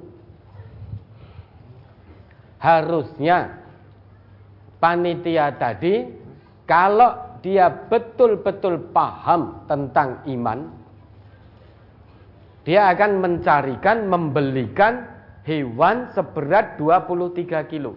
Karena siswa sudah menyetor satu orang 2,1 kalau itu korban. Namun ternyata dibelikan di bawah itu.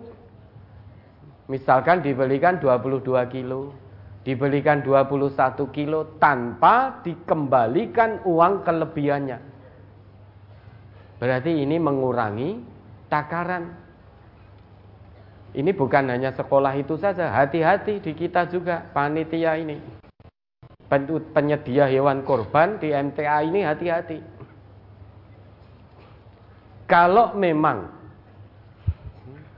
yang dibeli itu di bawah berat dari yang disampaikan ke warga, maka kelebihan uangnya kembalikan. Misalkan sampai pada warga NTA. Harga hewan korban kambing seberat 23 kilo itu 2,1 juta. Ternyata penyedia hanya bisa mencarikan seberat 22 kilo. Maka tentunya harganya tidak 2,1 juta karena beratnya di bawah 23 kilo. Jangan dikira tidak apa-apa. Kalau tidak dikembalikan kelebihan uangnya atau tidak dimintakan keikhlasannya, maka terkena ayat wailul lil mutaffifin. Celaka, sungguh-sungguh celaka bagi orang yang mengurangi, yang berbuat curang. Siapa itu? Alladzina idaqtalu 'alan nasi yastaufun. Wa idza kaluhum aw wazanuhum yukhsirun. Kalau dia minta ditimbang oleh orang lain, dia minta timbangannya pas. Tapi kalau dia nimbang untuk orang lain, dia mengurangi takaran timbangan. Kalau dia beli kepada penyedia yang lain, dia minta 2,1 beratnya 23 kilo. Kurang dari 23 kilo dia tidak mau. Tapi kalau dia yang menyediakan hewan, orang lain titip beli kepada dia, artinya beli, beli kepada dia, bukan titip beli, ini beli. Karena saya menyediakan hewan korban, saya umumkan ke jenengan, jenengan beli kepada saya, setor uang kepada saya. Berarti beli. Seberat 23 kilo, harganya 2,1 juta.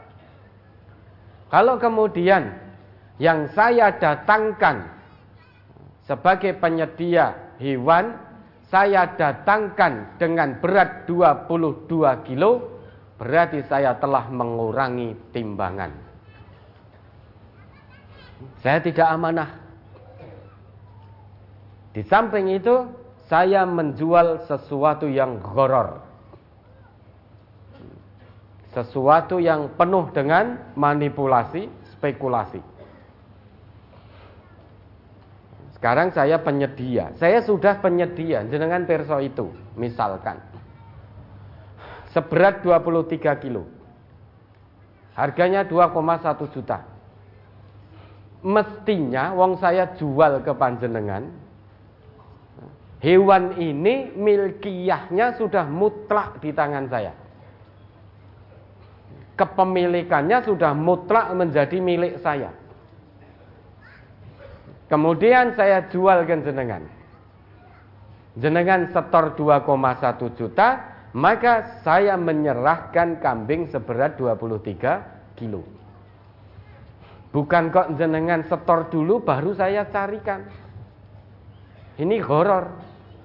Berarti saya menjual sesuatu yang sebetulnya bukan dalam kepemilikan saya secara mutlak. Ini horor.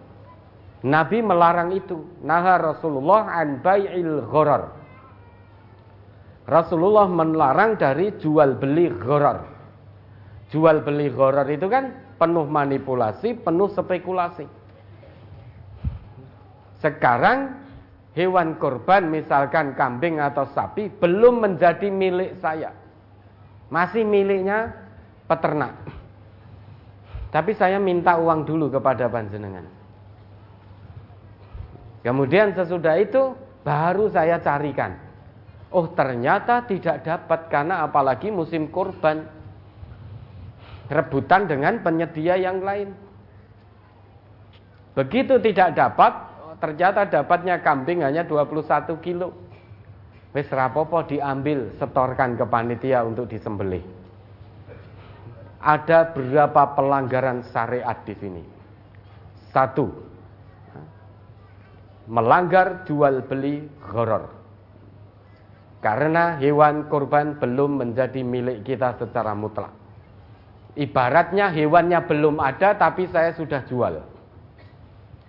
Padahal hewannya belum ada. Masih nanti mau kita carikan. Satu. Yang kedua, harga yang kita lepas 2,1 juta seberat 23 kambing. Eh, 23 kilo. Nah, seberat 23 kilo. Kemudian panjenengan menyetorkan uang 2,1 juta untuk beli kambing seberat 23 kilo kepada saya. Saya terima itu uangnya.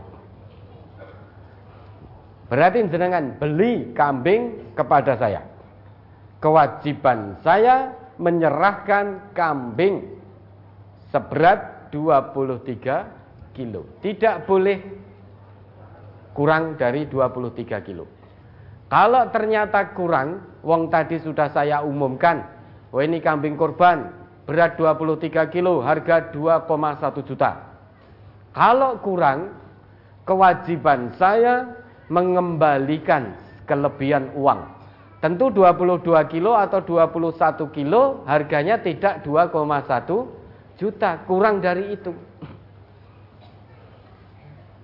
Namun jika kambingnya lebih berat, yang beli tidak wajib nambah. Karena yang beli tadi sudah diumumkan, yang beli menyerahkan 2,1 juta untuk beli 23. Namun jika penyedia hewan kurang dari 23 kilo, berarti dia mengurangi takaran. Kalau tidak mengembalikan sisa atau kelebihan uangnya kepada pembeli. Pelanggaran kedua. Yang ketiga, sampai hari tasyrik selesai. Ternyata penyedia hewan kurban tidak bisa mendatangkan hewan kurbannya. Kita yang beli, panjenengan yang beli ke saya tadi, tetap dihitung kurban oleh Allah. Namun saya menanggung dosa yang luar biasa di hadapan Allah. Karena telah mengkhianati. Telah berkhianat Sampai hari tasrik selesai, saya tidak bisa mendatangkan hewan kurban dan tanpa pemberitahuan apa pun kepada panjenengan. Berarti saya telah mengkhianati amanah dari panjenengan. Pelanggaran ketiga. Sedangkan Allah tegaskan, Ya ayyuhalladzina amanu, la tahunullah war rasul, wa takhunu amanatikum wa antum ta'lamun. Hei orang-orang yang beriman, jangan berkhianat kepada Allah. Dan jangan pula berkhianat kepada Rasulullah. Dan jangan pula mengkhianati amanah apa pun yang ada pada kalian sedang kalian mengetahuinya. Saya penyedia hewan kurban panitia penyedia hewan kurban. Saya mengetahui berarti ada amanah di balik penyediaan hewan kurban. Maka kewajiban saya menunaikan amanah ini dengan sebaik-baiknya. Karena amanah ini ada hisapnya di hadapan Allah. Maka jangan menjual barang dengan horor, jangan mengurangi takaran. Kemudian belikan betul sebelum hari tasyrik selesai. Nah, kalau sampai ada pengkhianatan di sini, hewannya tidak sesuai ukuran, hewannya tidak bisa didatangkan, maka sudah betul yang dilakukan Bapak Ibu guru tadi mencopot siswa dari kepanitiaan. Karena dia tidak amanah. Tidak bisa menjadi pribadi yang muktaman. Saat pegang uang, dia tidak bisa menjadi pribadi yang muktaman. Sehingga melakukan pelanggaran-pelanggaran, pengkhianatan-pengkhianatan terhadap amanah ibadah yang Allah berikan kepadanya. Maka pas diganti, keluarkan dari kepanitiaan, selamanya tidak digunakan lagi. Sebelum memang menjadi pribadi-pribadi yang lurus betul. Tadi kan berarti hanya kepingin untung, mengejar untung dunia. Amanahnya 2,1 juta dengan berat 23 kilo, yang diberikan kambing piaraannya sendiri. Mungkin beratnya hanya 19, 20. Sehingga dia punya keuntungan berlipat. Maka hanya mengejar keuntungan dunia sampai menerjang larangan-larangan dari Allah, larangan dari Rasulullah.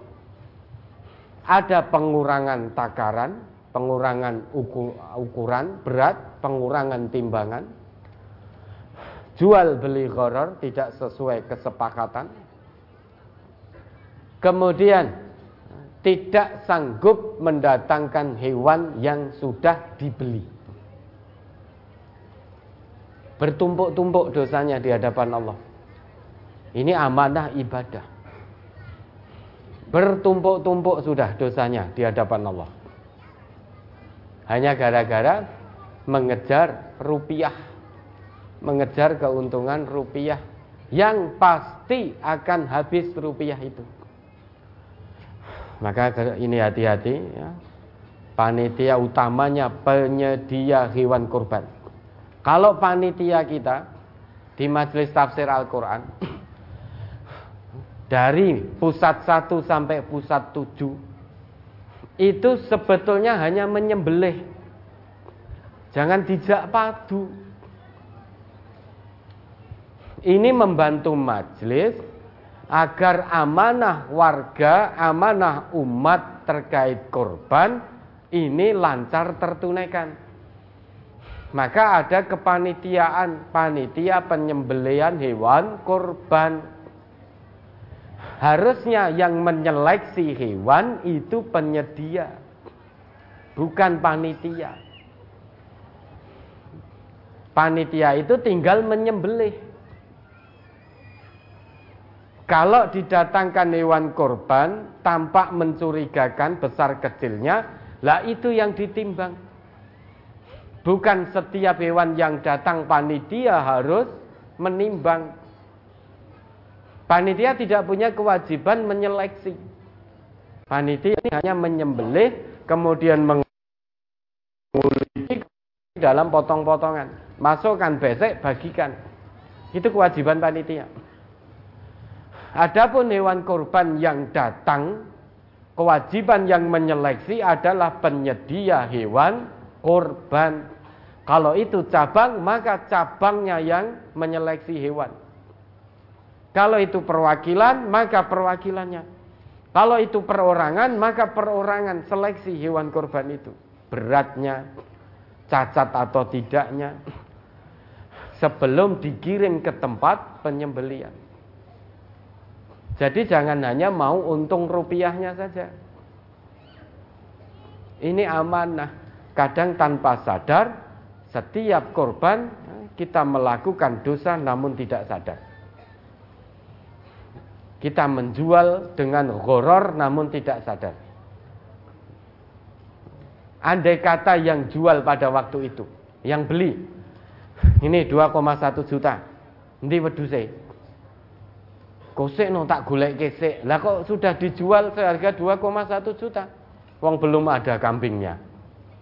Berarti menjual sesuatu yang tidak pasti. Ini goror. Ibarat menjual buah dalam karung.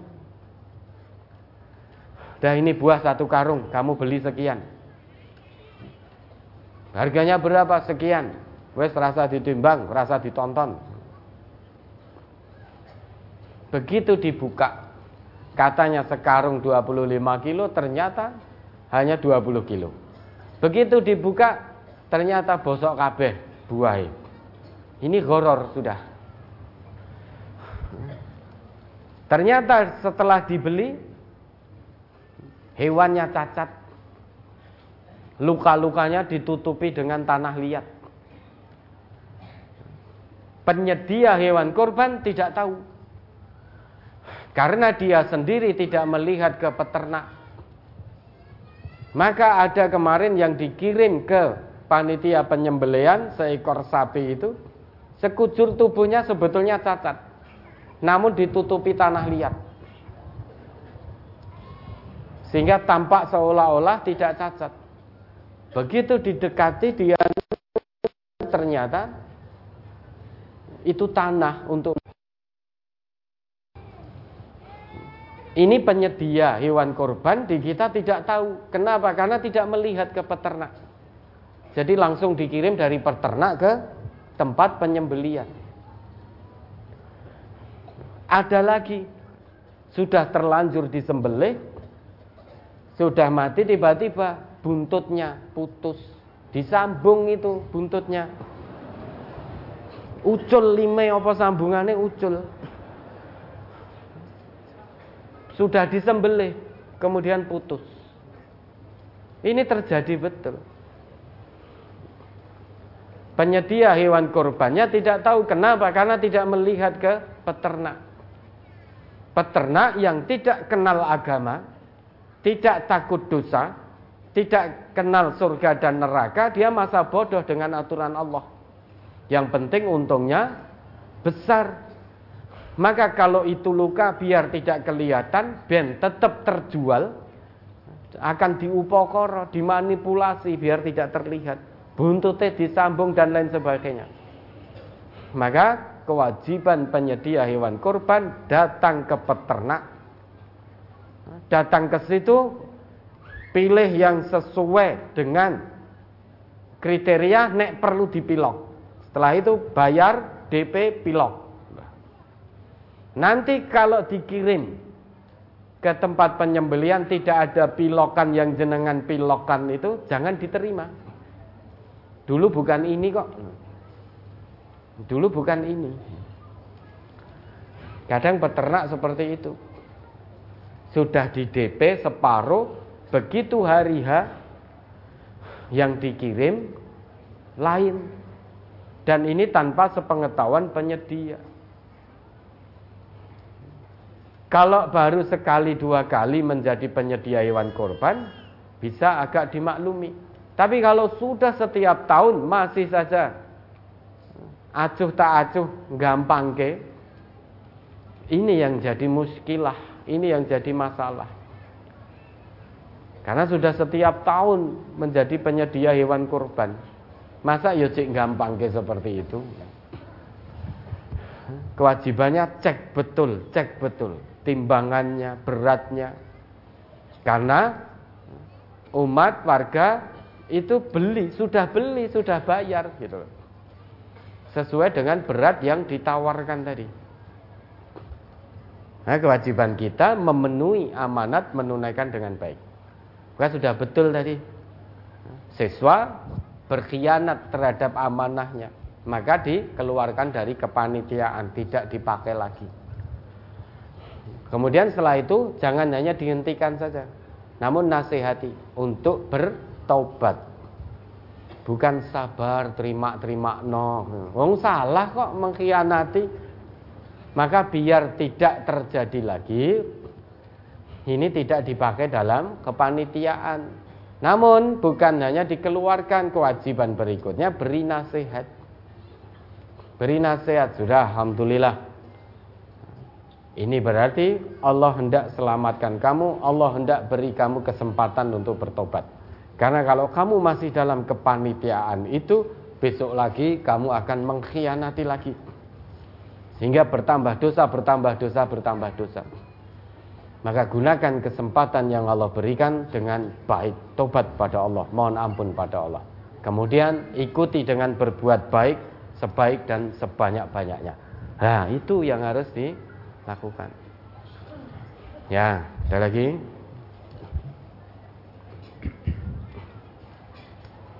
tentang sabar Ustaz. Mohon diterangkan lawan dari kata sabar dan adakah ayat atau hadis yang menunjukkannya Ustaz? Lawan kata sabar ya apa tuh? Putus asa. Putus asa. La tayasu mir rahmatillah. Jangan pernah putus asa dari rahmat Allah. Lawan sabar itu putus asa. Allah larang kita untuk mudah-mudah berputus asa. Bisa jadi lawan dari sabar itu emosi, marah. Bisa jadi begitu. Allah larang kita untuk marah dengan melampiaskan amarah. Bahkan disebutkan oleh Allah salah satu ciri hambanya yang bertakwa qadimul ghaib bisa menahan amarah tidak dengan melampiaskannya. Nabi kita ketika dimintai nasihat oleh seorang sahabat, "Ya Rasulullah, ausini." Nasihati saya, kata Nabi, "La takdob, jangan marah." Bisa juga lawan kata sabar itu emosi. Melampiaskan amarah. Bisa juga putus asa dari rahmat Allah. Maka jangan pernah putus asa dari rahmat Allah. Ya, ada lagi? Eh, mungkin di surat Yusuf ayat 87 Ustaz. Ya, mari dibaca itu Quran surat Yusuf ayat 87. Ya bani yadhabu fatahassasu min Yusuf wa akhihi wa la tay'asu min rauhillah innahu la yay'asu min rauhillahi illal qaumul kafirun Hai anak-anakku pergilah kamu. Maka carilah berita tentang Yusuf dan saudaranya. Dan jangan kamu berputus asa dari rahmat Allah. Sesungguhnya tiada berputus asa dari rahmat Allah melainkan kaum yang kafir. Orang yang mudah putus asa dari rahmat Allah tidak mau bersabar dengan ketentuan-ketentuan Allah itu hanya sifatnya orang yang kafir tidak iman pada Allah. Maka hamba Allah yang beriman dilarang oleh Allah untuk putus asa dari rahmat kasih sayang pertolongan Allah. Apa pun kondisinya wajib bagi hamba yang beriman itu bersabar. Tidak mudah-mudah putus asa. Bahkan tidak ada kamusnya. Putus asa itu tidak ditemukan dalam kamus hamba orang yang beriman. Tidak pernah ada kamusnya. Menghadapi semua ketentuan Allah, orang yang beriman itu dia akan terus bersabar. Baik sabar dalam ketaatan maupun dalam sabar dalam hal meninggalkan kemaksiatan. Itu kamus orang yang beriman. Oke, ada lagi? E, tentang pembelian goror, Ustaz. Ya. Kalau beli emas secara online, uangnya sudah dikirim 3 sampai 4 hari, barang baru datang. Yang demikian ini apakah termasuk perdagangan goror Ustaz? Lah ada barangnya tidak. Ya. Kalau itu tidak ada barangnya, kemudian betul-betul barang yang sampai tidak sesuai dengan yang dipesan, maka itu masuk horor. Ada barangnya, tapi begitu dipesan, dibeli, yang dikirim itu tidak sesuai. Maka itu jual beli horor, jual beli yang menipu. Jual beli emas online sudah bayar dulu, emasnya baru dikirim tiga hari berikutnya. Boleh apa tidak? Boleh. Kalau barang yang sampai memang betul-betul sesuai dengan spek. Sesuai dengan apa? Spek ini bahasa apa ya? Dengan spesifikasi, enggak yang lebih membumi lagi. Bahasanya apa ya? Kriteria Sesuai dengan kriteria. Misal emas 24 karat. Ininya begini, ininya begini, ininya begini. Begitu kita beli, sampailah barang dan betul-betul sesuai. Tapi kalau yang sampai tidak sesuai, maka itu horor. Kita yang beli tidak berdosa. Yang berdosa yang jual. Bukan hanya emas, ini jual beli online. Sekarang hanya modal foto. Foto itu kayak sekarang kamera di HP itu api-api. Karena ada aplikasi.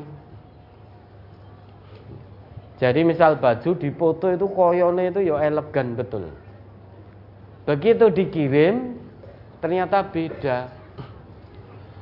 Harusnya penjual online itu sesuai, tuliskan kriterianya.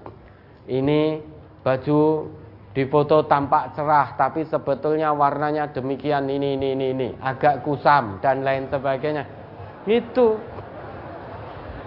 resikonya apa nah, tidak payu kulil haq walau kana murran. Katakan sejujurnya. Meski pahit akibatnya. Tidak laku dagangan, tidak apa-apa. Tidak laku dan tidak dapat rupiah, mafis muskilah, tidak tidak ada masalah apa pun.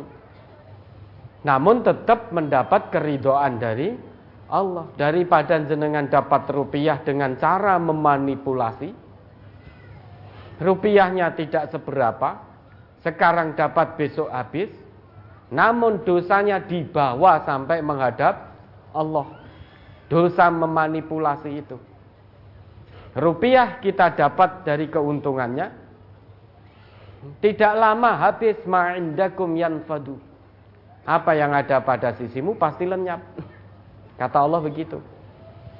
Namun dosa memanipulasi akan dibawa sampai menghadap dengan Allah. Harusnya jujur begitu. Dulu Nabi itu ketika dagang juga jujur. Ketika kain ada yang cacat, ada yang robek, ditunjukkan oleh Nabi. Ini karena kainnya robek, kainnya cacat, maka harganya sekian. Harganya diturunkan. Ternyata cara dagang Nabi dengan penuh kejujuran itu digolei orang, getok tular. Oh sana loh, nanti naik beli online di ini loh tempat ini all shop ini itu jujur. Kalau warnanya kusam, ya dikatakan kusam betul meski fotonya baik. Ini efek kamera. Ini sebetulnya warnanya bukan putih tapi coklat. Karena efek kamera menjadi putih jernih. Terus kemudian ini begini begini begini kainnya ini ini panas loh sumuk itu gitu. Ini kalau dipakai memang eh, mudah berkeringat, jujur begitu. Namun demikian harganya sekian, turunkan harganya. Kain ini sulit disetrika. Sampaikan begitu. Kenapa takut? Masa hanya ingin keuntungan dunia tapi penuh dengan manipulasi. Dosanya dibawa sampai menghadap Allah. Jual beli mobil. Kalau habis tabrakan ya katakan habis tabrakan. Jangan ditutup-tutupi. Dimanipulasi. Ini kalau ditanya, ini sudah pernah dipakai kecelakaan Jawabannya tinggal iya atau tidak. Malah jelimet-jelimet, wah alhamdulillah ini kondisinya tetap bagus. Tetap mengkilap, tetap ini wah nomor satu kualitasnya. Sing Arab tuku pernah dipakai kecelakaan. Wah ini baru datang kemarin kilometernya baru sedikit. Malah jawabannya jelimet ke mana-mana. Tinggal dijawab, oh iya dua tahun yang lalu dipakai kecelakaan terkena ini, ini agak minger tapi sekarang sudah diperbaiki kondisi sekarang jadi seperti ini. Itu akan dikejar pembeli nanti seperti itu. Maka kalau jual beli, kalau betul-betul hati kita, jiwa kita dipenuhi dengan keimanan, ikuti tata cara jual beli yang dicontohkan oleh Rasulullah dan sahabat-sahabat beliau berkah dunia, berkah akhirat. Ya, maka kalau emas tadi setelah tiga hari, kalau memang sesuai, berarti sudah betul. Kalau tidak sesuai, maka itu horor, yang dosa yang jual. Maka kalau panjenengan jual apa pun, termasuk emas, mobil dan lain sebagainya, baju, secara online, ya, maka usahakan sesuai dengan spesifikasinya sesuai dengan kriteria yang jenengan tawarkan. Ya ada lagi? Pertanyaan akad 23 Januari ya hari pertanyaan satu Hukum menanam modal untuk ikut kooperasi simpan pinjam yang diadakan di RT saya itu bagaimana? Dulu saya ikut hanya ingin mendapatkan hasil bunga dari peminjam. Tetapi setelah mendengarkan pengajian kok jadi ragu. Saya mau keluar nggak ikut lagi. Pertanyaan kedua, hukum memakai hijab ditutupi jaket itu menurut syariat boleh apa tidak? Ketiga, meminjam uang dari KUR atau KUR dari bantuan pemerintah itu termasuk riba atau tidak Ustaz? Semaksimalnya hindari simpan pinjam yang memakai bunga. Kecil atau besar bunganya yang namanya bunga tetap riba. Tidak ada ceritanya bunganya kecil kemudian ayatnya menjadi berubah tidak jadi riba kalau bunganya kecil. Tidak pernah ada ceritanya. Bunganya kecil atau besar itu tetap bunga dan bunga itu riba. Riba diancam oleh Allah neraka selama-lamanya. Hasilnya tidak seberapa, kesenangannya tidak seberapa, namun neraka selama-lamanya. Dan alhamdulillah, KUR, KUR sekarang ini bisa melalui bank syariah.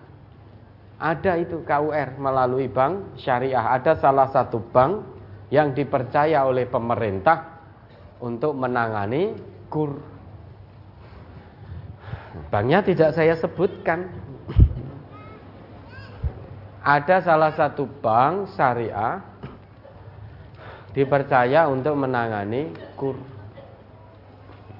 Maka kalau memang harus minjam itu pinjam yang lembaga keuangan syariah.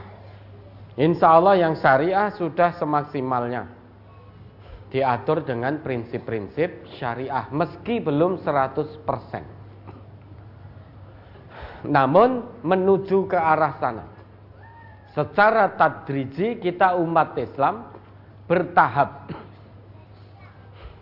Kalau dulu belum ada yang syariah, karena memang belum ada, maka qadrul istitoah semaksimal kita ya, pada waktu itu tidak menggunakan yang syariah karena belum ada. Sekarang ini Allah beri kemudahan lembaga keuangan syariah menjamur. Maka secara bertahap, secara tadriji kita berpindah hijrah dari yang bukan syariah menuju yang syariah. Meski belum 100% syariah. Namun ada iktikat ke arah sana. Iktikat ke arah yang lebih baik, yang lebih sesuai dengan petunjuk Allah, sesuai dengan tuntunan Rasulullah.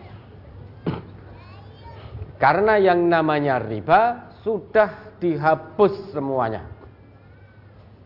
Inna ribal jahiliyah maudu'un. Sesungguhnya semua riba jahiliyah sudah dihapus maka semaksimalnya menghindar dari simpan pinjam yang memakai bunga. Yang memakai bunga meski kecil bunganya, namun itu tetap bunga. Dan bunga itu riba. Maka segeralah jangan ditunda lagi hijrah kepada yang syariah. Karena sekarang sudah ada syariah. Maka semaksimal kita bukan lagi yang non syariah namun semaksimal kita fattakullah mastata'tum itu berpindah ke yang syariah.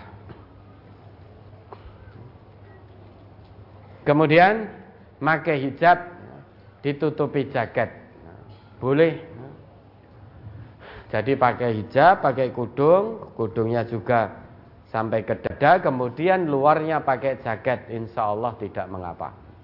Ya, ada lagi? Sebelum ke pertanyaan Ustaz, ada permohonan untuk memindah mobil bagi bapak dan saudara yang memiliki mobil Toyota Calya dengan nomor polisi AB 1309AF. Mohon untuk dipindahkan karena ada mobil yang mau keluar. Sekali lagi, Toyota Calya AB 1309 AF mohon untuk dipindah sebentar karena akan ada mobil yang keluar. Ya, warnanya apa itu? Hitam. Hitam. Karena Hitam banyak yang nggak hafal nomor atau hitam ini saya kurang jelas. Warna warnanya kurang jelas.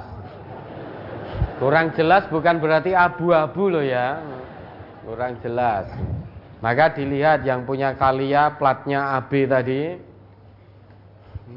Dilihat STNK-nya. Ye, monggo silakan dipindah. Kalau memang itu milik peserta kajian Ahad pagi, silakan dipindah. Oke, ada lagi? Ini ada yang menyambung tentang jual beli goror Ustaz. Ya. Bagaimana dengan orang yang menawarkan barang dagangan yang bukan miliknya?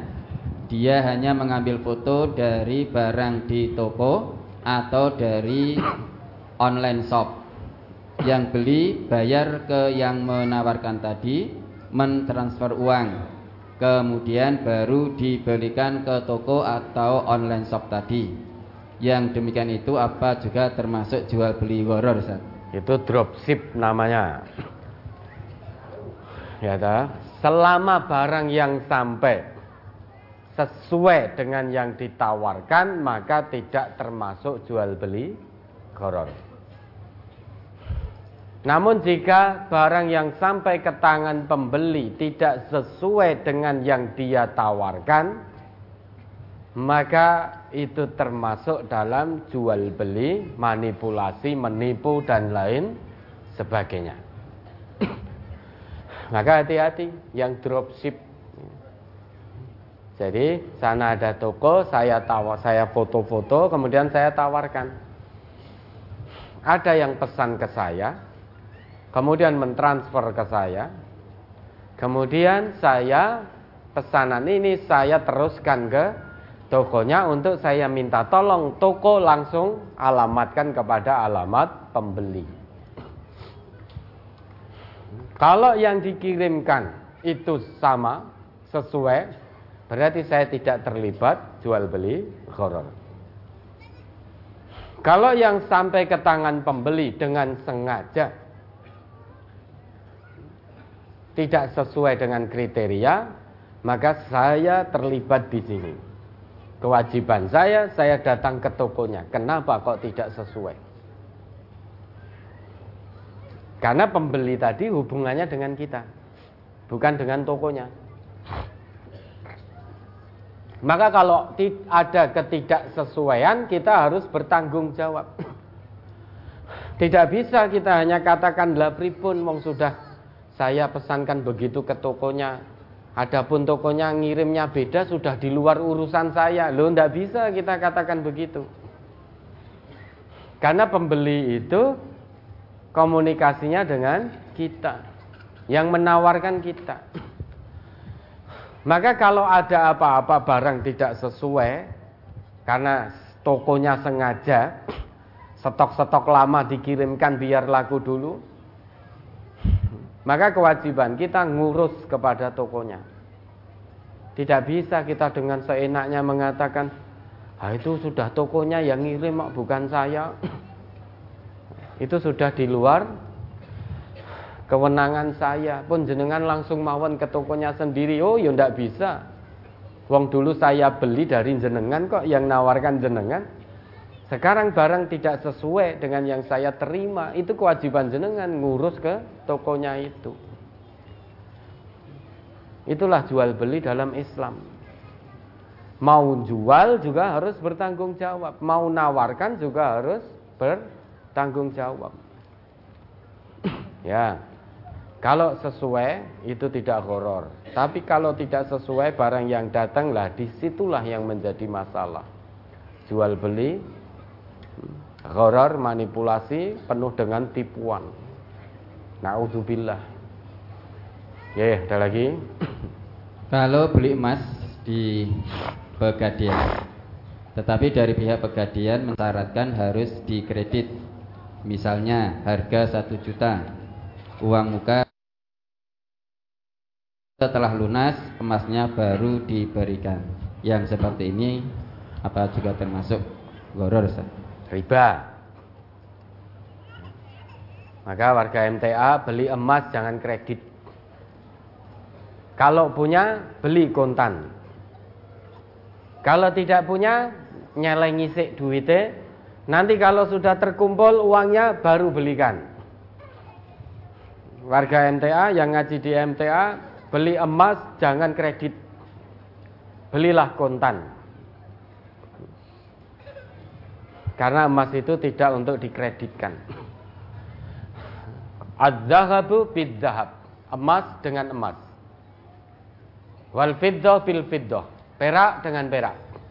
Wal burru bil burri Gandum yang kualitas baik ditukar dengan gandum yang kualitas baik.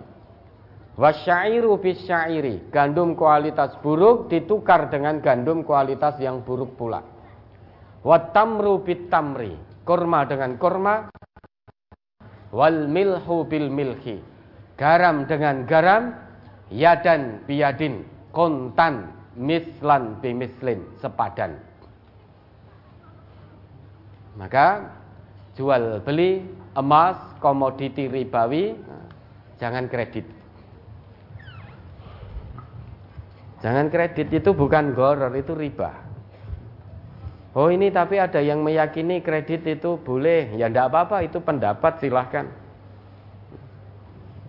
Lah kita yang menjadi fokus kita keluarga besar majelis tafsir Al-Quran beli emas jangan sampai kredit belilah dengan tunai.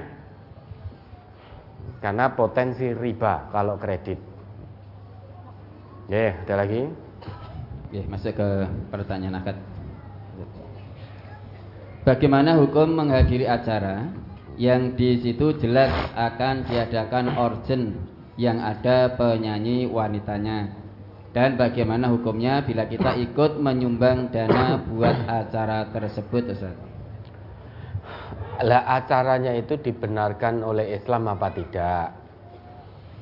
Kalau acaranya dibenarkan oleh Islam, maka boleh menghadiri. Tapi kalau acaranya tidak dibenarkan, tidak boleh. Kalau di situ ada musik, kemudian penyanyi yang mengumbar aurat, berlenggak-lenggok, joget gak karuan, pakaiannya minim, maka jangan datang. Berarti ada kemungkaran di situ. Sedangkan kalau kita melihat kemungkaran, kewajibannya apa? Fal yughayyirhu biyadihi.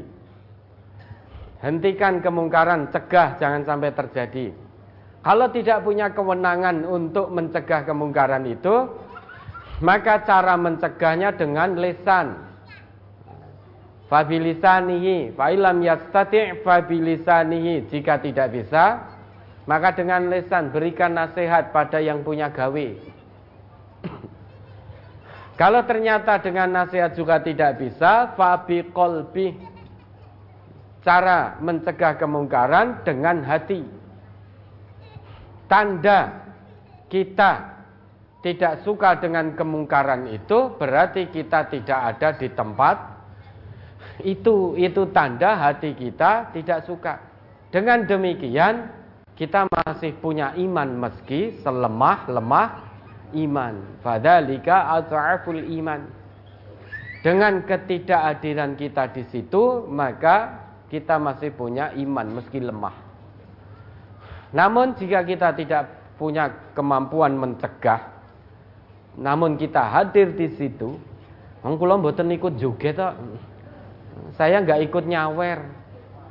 Saya hanya di situ diam dan melihat. Berarti iman yang lemah saja juga tidak ada. Di situ biduanita dengan pakaian minim joget-joget berlinggak-linggak gak karuan. Lah untuk apa kita datang di situ? Kecuali kalau di situ meski ada penyanyi namun pakaiannya sopan, dia tidak joget-joget seperti itu hanya nyanyi saja dan sair-sair yang dinyanyikan juga baik, maka tidak masalah itu selingan. Dulu di zaman Nabi juga ada perempuan-perempuan yang bernyanyi. An Anas bin Malik an Nabi sallallahu alaihi wasallam marra bi ba'dil Madinah. Dari Anas bin Malik Dulu Nabi pernah melewati bagian dari kota Madinah.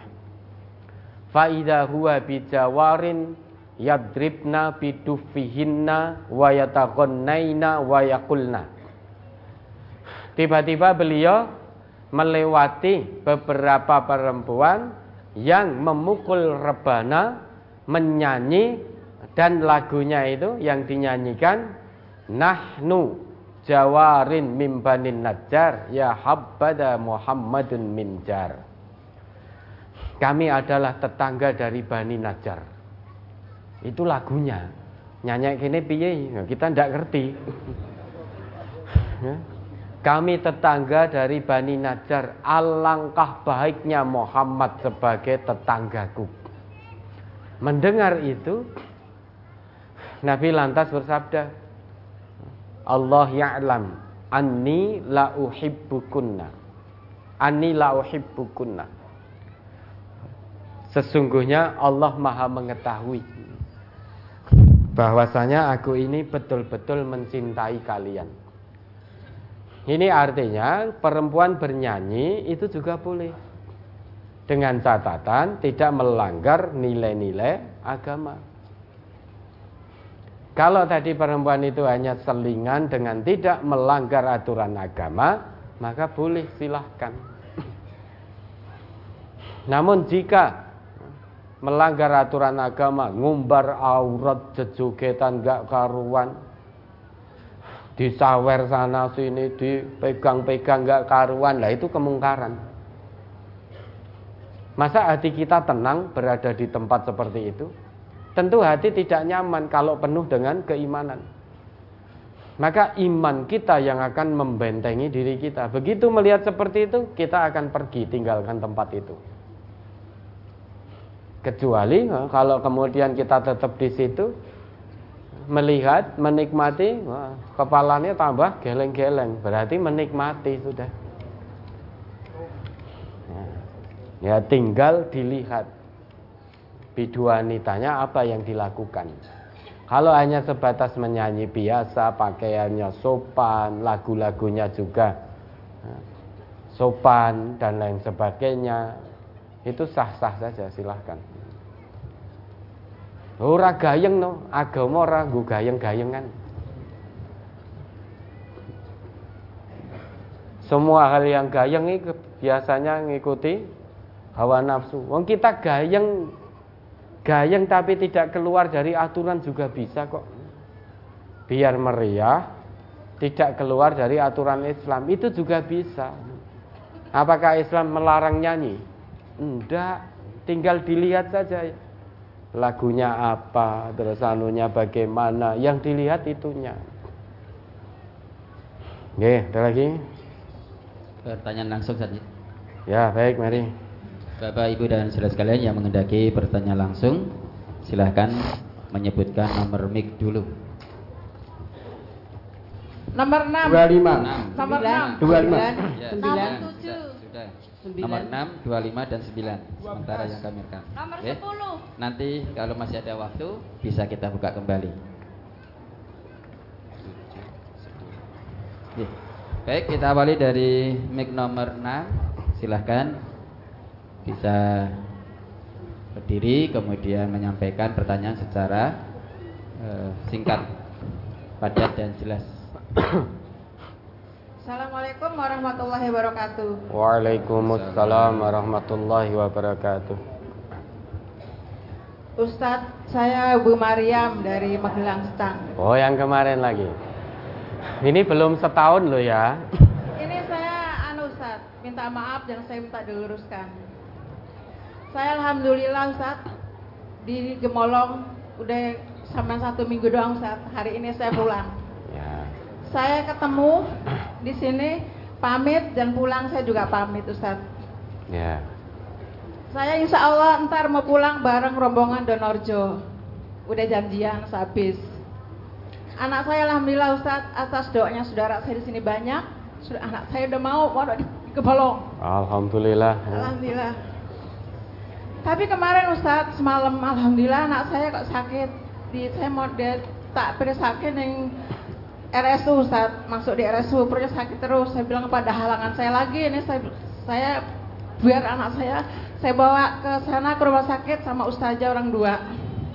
Ya. Itu saya banyak terasi, terima kasih banget Ustadz sama Ustazah Ustazah saya nggak tegang lihatnya karena saya selalu merepotkan.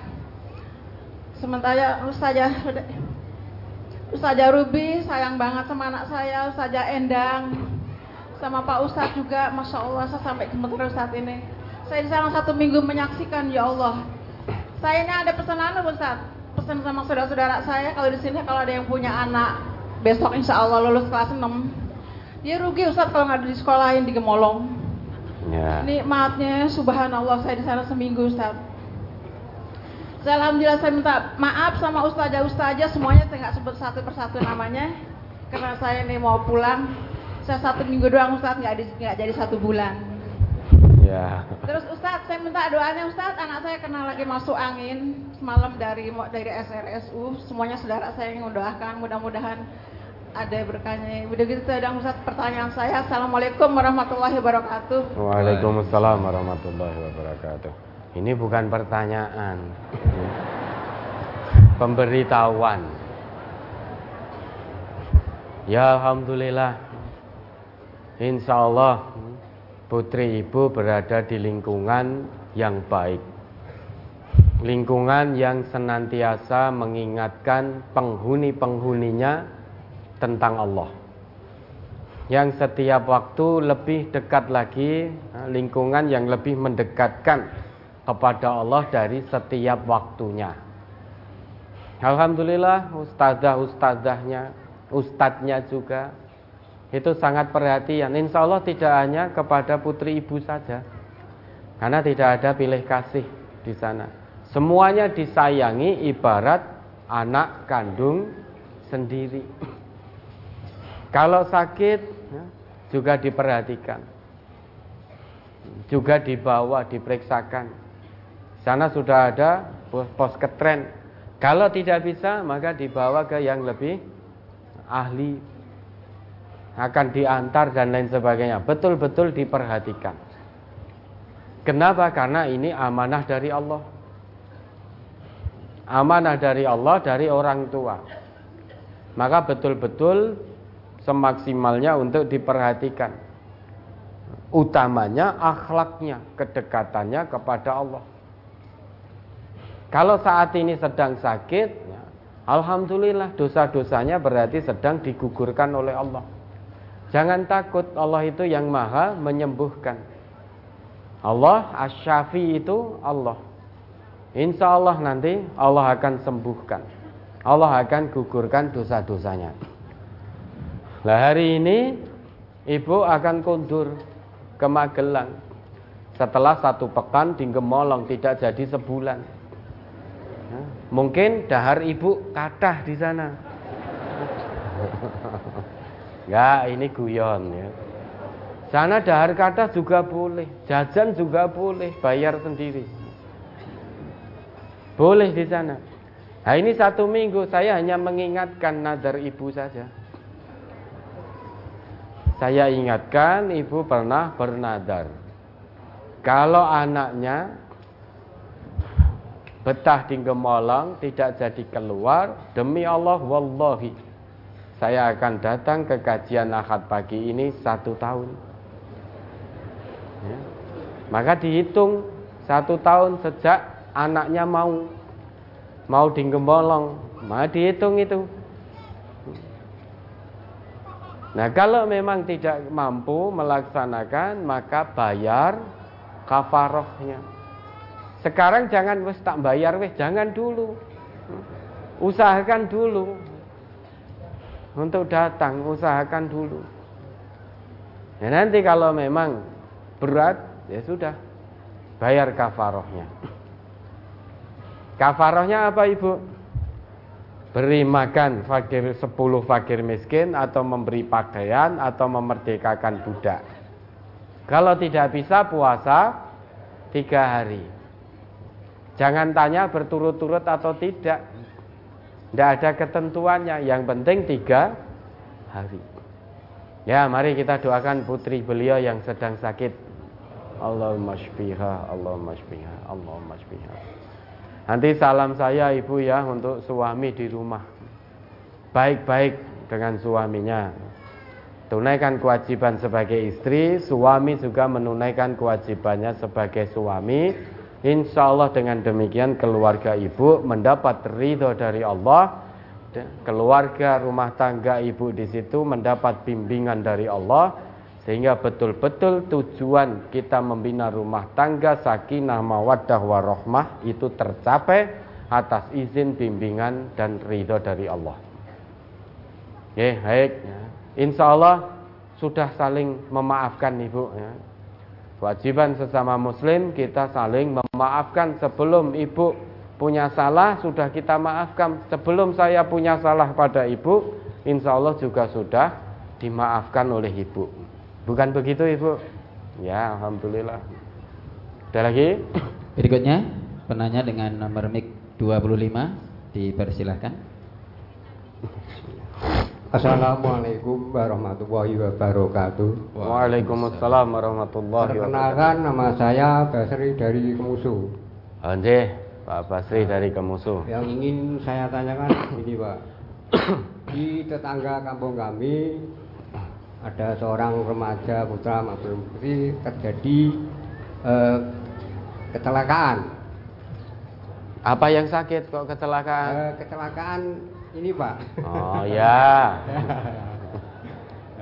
Lalu sudah hamil sekian bulan, anak itu masih pelajar. Tapi diundangkan oleh tokoh agama itu disiapkan siri.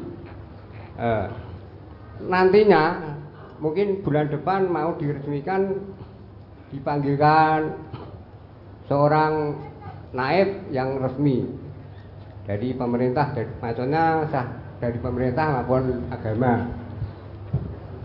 Yang ingin saya tanyakan, kalau anak itu sudah uh, hamil, diijabkan seorang petugas dari kantor KUA, menurut tuntunan, apakah naib itu kalau mengijabkan termasuk dosa atau tidak? Naibnya jenengan tuh ini? Bukan pak. Yeah.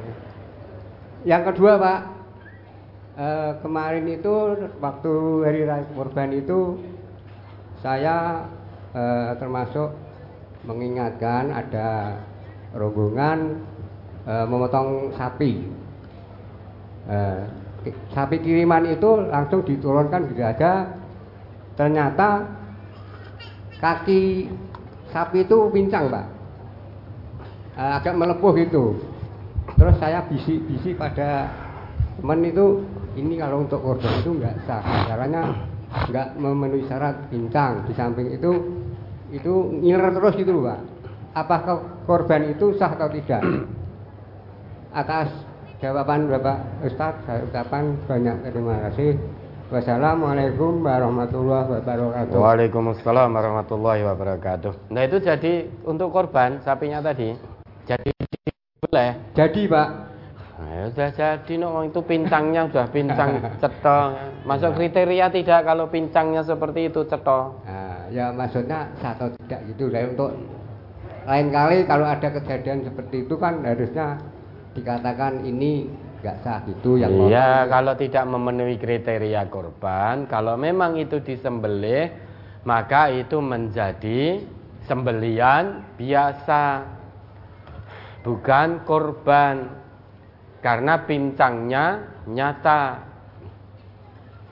Maka tidak sah untuk korban. Nah kalau ternyata ya tetap disembelih maka itu menjadi sembelian biasa. Kemudian yang pertama sepasang muda-mudi kecelakaan artinya zina. Itu saja zina. Oh tidak kecelakaan? Iya. Sudah terang-terangan saja zina. Loh bahasa Quran kan begitu. Bahasa hadis juga begitu zina. Nggak ada bahasa Quran kecelakaan. Adanya azaniyatu wazani Fajlidu kulla wahidim minhuma mi'ata jaldah. Itu bahasa Al-Qur'an. Di situ tidak diterangkan pemudi yang kecelakaan pemuda yang kecelakaan maka cambuklah, tidak ada di situ. Maka zina sudah. Pemuda-pemudi zina akhirnya hamil. Mesti senantiasa yang dipertanyakan pertama nikahnya sah atau tidak. Kalau negeri kita ini menganut hukum Islam, pemuda-pemudi tadi sudah dicambuk 100 kali di hadapan sekelompok orang-orang yang beriman itu sebagai tebusan dosanya. Kalau dia sudah pernah menikah, kemudian zina, kalau negeri kita menganut hukum Islam, apa? Rajam, lempari batu sampai meninggal. Itu sebagai tebusan dosanya. Namun negeri kita tidak menganut hukum Islam. Kalau dikatakan bagaimana tuntunannya, apakah ada tuntunan dalam Islam? Pemuda dan pemudi zina kemudian hamil dinikahkan, tidak ada tuntunannya dalam Islam. Yang ada diasingkan satu tahun kemudian dicambuk kalau itu belum pernah nikah. Atau dirajam itu kalau menurut Islam. Karena negeri kita tidak menganut hukum Islam, maka yang ada sekarang dinikahkan. Kan penak hukumannya. Misalkan sekarang hubungan laki dan perempuan tidak mendapat izin dari orang tua. Akhirnya wis yo kumpul kebu zina wae engko ganti grebek masyarakat engko nak dinikahi.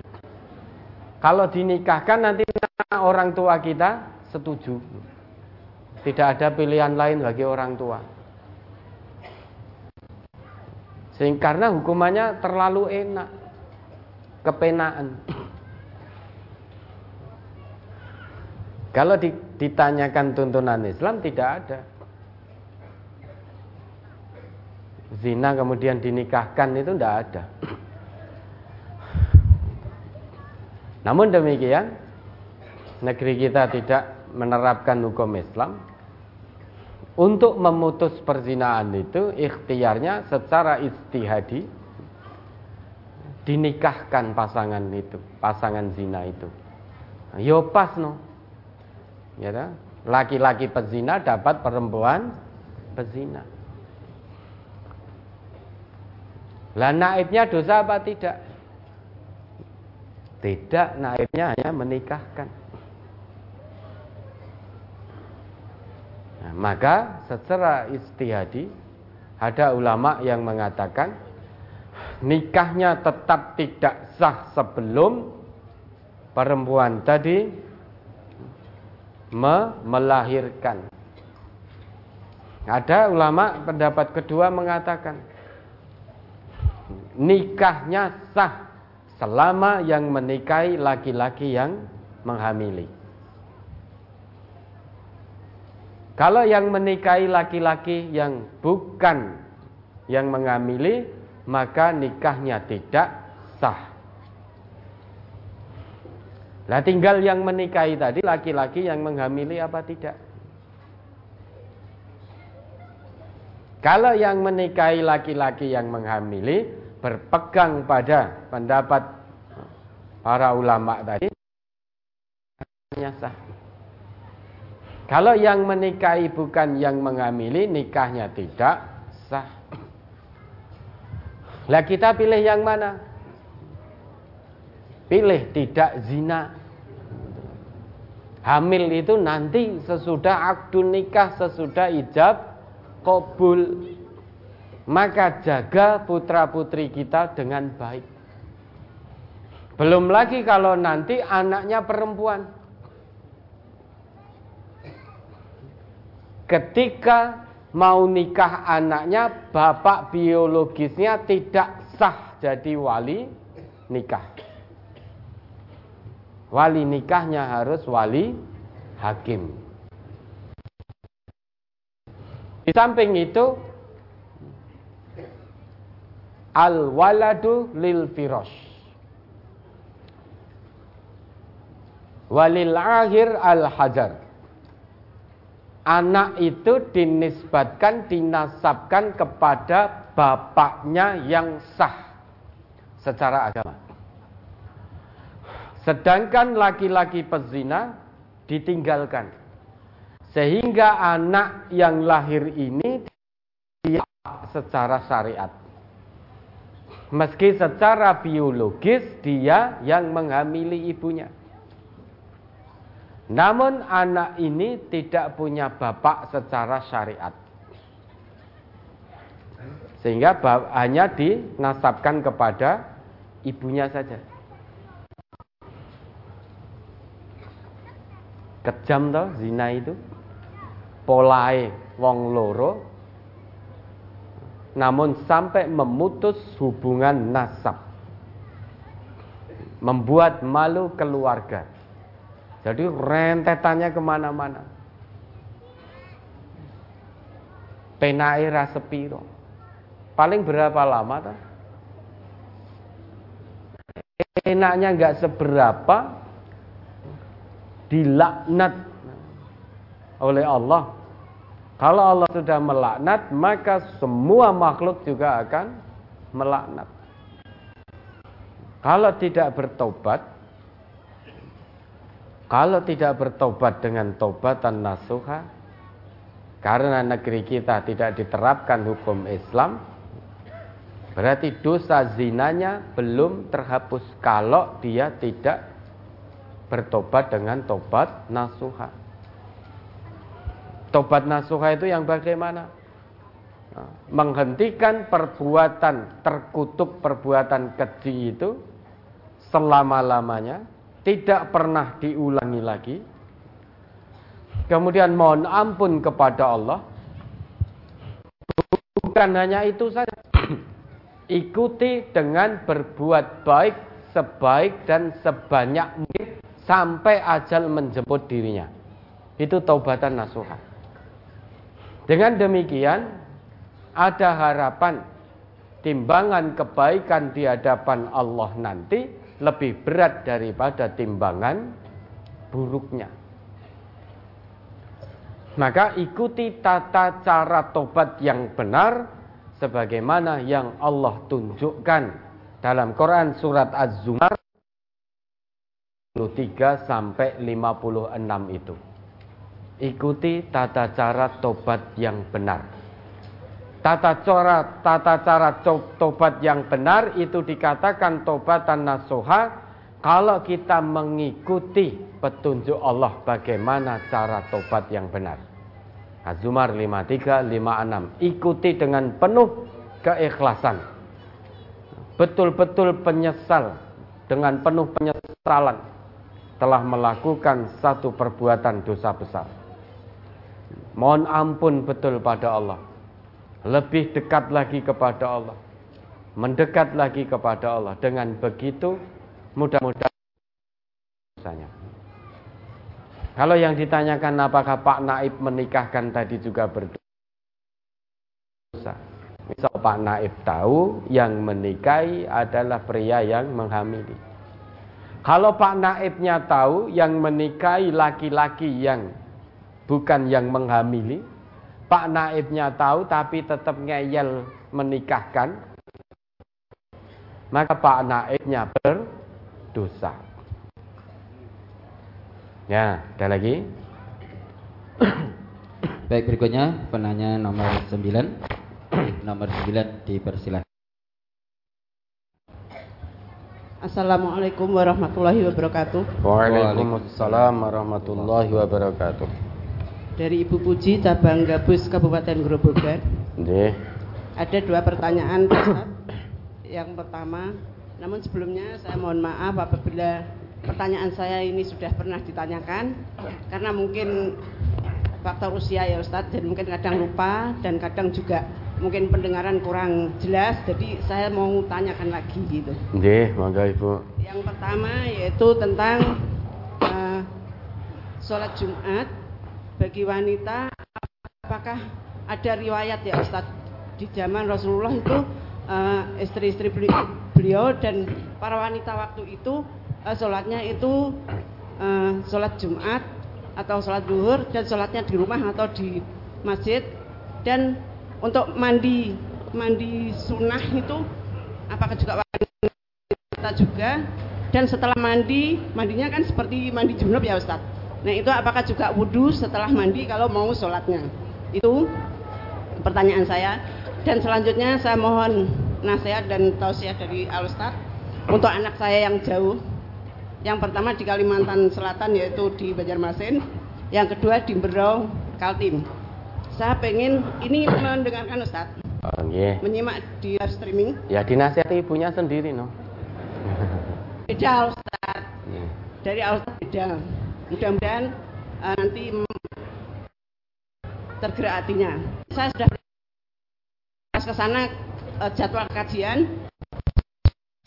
Sudah setelahnya ikut ngaji, setelahnya juga eh, mau hadir. Namun sekarang ini sudah nggak aktif lagi karena alasannya katanya sibuk kerja. Nah untuk yang di Bro Kaltim katanya sana belum ada. Mungkin lewat kajian ini saya kalau ada di Kaltim di Bro saya mohon alamatnya Ustadz nanti bisa saya kasih tahu ke anak biar ngikuti kajian di sana. Terima kasih ya Ustadz Nggih. Eh, jawabannya dan wassalamualaikum warahmatullahi wabarakatuh. Waalaikumsalam warahmatullahi wabarakatuh. Sejauh ini sependek yang sudah saya ketahui, saya belum menemukan riwayat para istri Nabi, para sahabiyah itu sholat Jumat di rumah. Jadi beliau-beliau sahabiyah itu sahabat-sahabat Nabi yang perempuan ya sahabiyah itu kalau sholat Jumat ya berjamaah. Saya belum pernah men- belum menemukan riwayat beliau-beliau sholat sendirian di rumah. Namun demikian, bagi perempuan, ibu-ibu yang memang di rumah ada tanggungan misalkan anak kecil, misalkan pekerjaan rumah, itu tidak mengapa untuk mendirikan sholat Jum'ah di rumah. Karena masih punya tanggungan anak kecil atau juga ada pekerjaan rumah. Tidak ada dosa untuk menjalankan sholat Jum'ah. Berapa rakaat? Dua. Kita condong kepada pendapat yang mengatakan bagi yang berhalangan sholat Jumat maka dia tetap mendirikan sholat Jumat dua rakaat. Memang ada pendapat yang mengatakan kalau tidak bisa sholat Jumat berhalangan maka dia sholat duhur empat rakaat. Dua pendapat ini tidak bisa dikompromikan, tidak bisa dipertemukan. Semuanya berdasarkan dalil. Lah kita condong pada pendapat yang mengatakan bahwa sholat Jumat itu sholat mustakillah. Sholat yang berdiri sendiri. Sehingga menjadi azimah kewajiban asal yaitu sholat Jumat. Sholat Jumat itu dua rakaat. Ini perbedaan ini berdasarkan hadis Nabi Al-Jumu'atu haqqun wajibun ala kulli muslimin fi jama'ah illa arba'ah Jumat itu kewajiban bagi setiap muslim di dalam jamaah. Kecuali abdun mamlukun hamba sahaya au sobiyun anak kecil au imra'atun perempuan au maridun atau yang orang yang sakit. Dari hadis ini terdapat perbedaan pendapat. Yang satu wajib sholat Jum'ah dalam jamaah. Kalau tidak bisa mendirikan sholat Jumat termasuk empat golongan yang dikecualikan tadi, karena tidak bisa mendatangi sholat Jumat dalam jamaah, maka dia sholat duhur empat rakaat sebagai ganti dari sholat Jumat. Pendapat kedua mengatakan sholat Jumatnya tetap wajib, sedangkan sholat Jumat itu dua rakaat. Yang tidak wajib bagi empat golongan tadi adalah pengerjaannya dalam jamaah sehingga tetap wajib mengerjakan sholat Jumat yang dua rakaat meski tidak wajib dalam jamaah yang empat golongan tadi. Muncul dua pemahaman berdasarkan dalil. Nah, kita condong pada pendapat yang kedua bagi empat golongan atau yang berhalangan mendatangi sholat Jumat di masjid, maka dia tetap sholat Jumat dua rakaat. Dan sunnah mandi Jumat itu juga berlaku bagi perempuan. Karena dalam hadis Nabi kita bersabda, Maniktasala Man Man itu ismun mausulun yadullul alal amiyah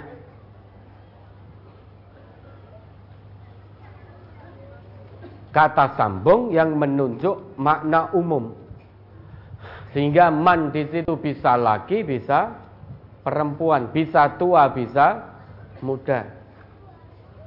Maniktasala yaumal jumu'ati ghuslal jamaah dan seterusnya itu. Berarti sunnah mandi Jumat juga berlaku bagi perempuan. Mandinya mandi janabat Seperti mandi janabat. Kalau memang ibu mandi Jumat Seperti mandi janabat persis Dalam arti diawali juga dengan wudhu selama belum berhadas kecil sesudah selesai mandi maka tidak perlu wudhu lagi. Karena tadi sudah diawali dengan wudhu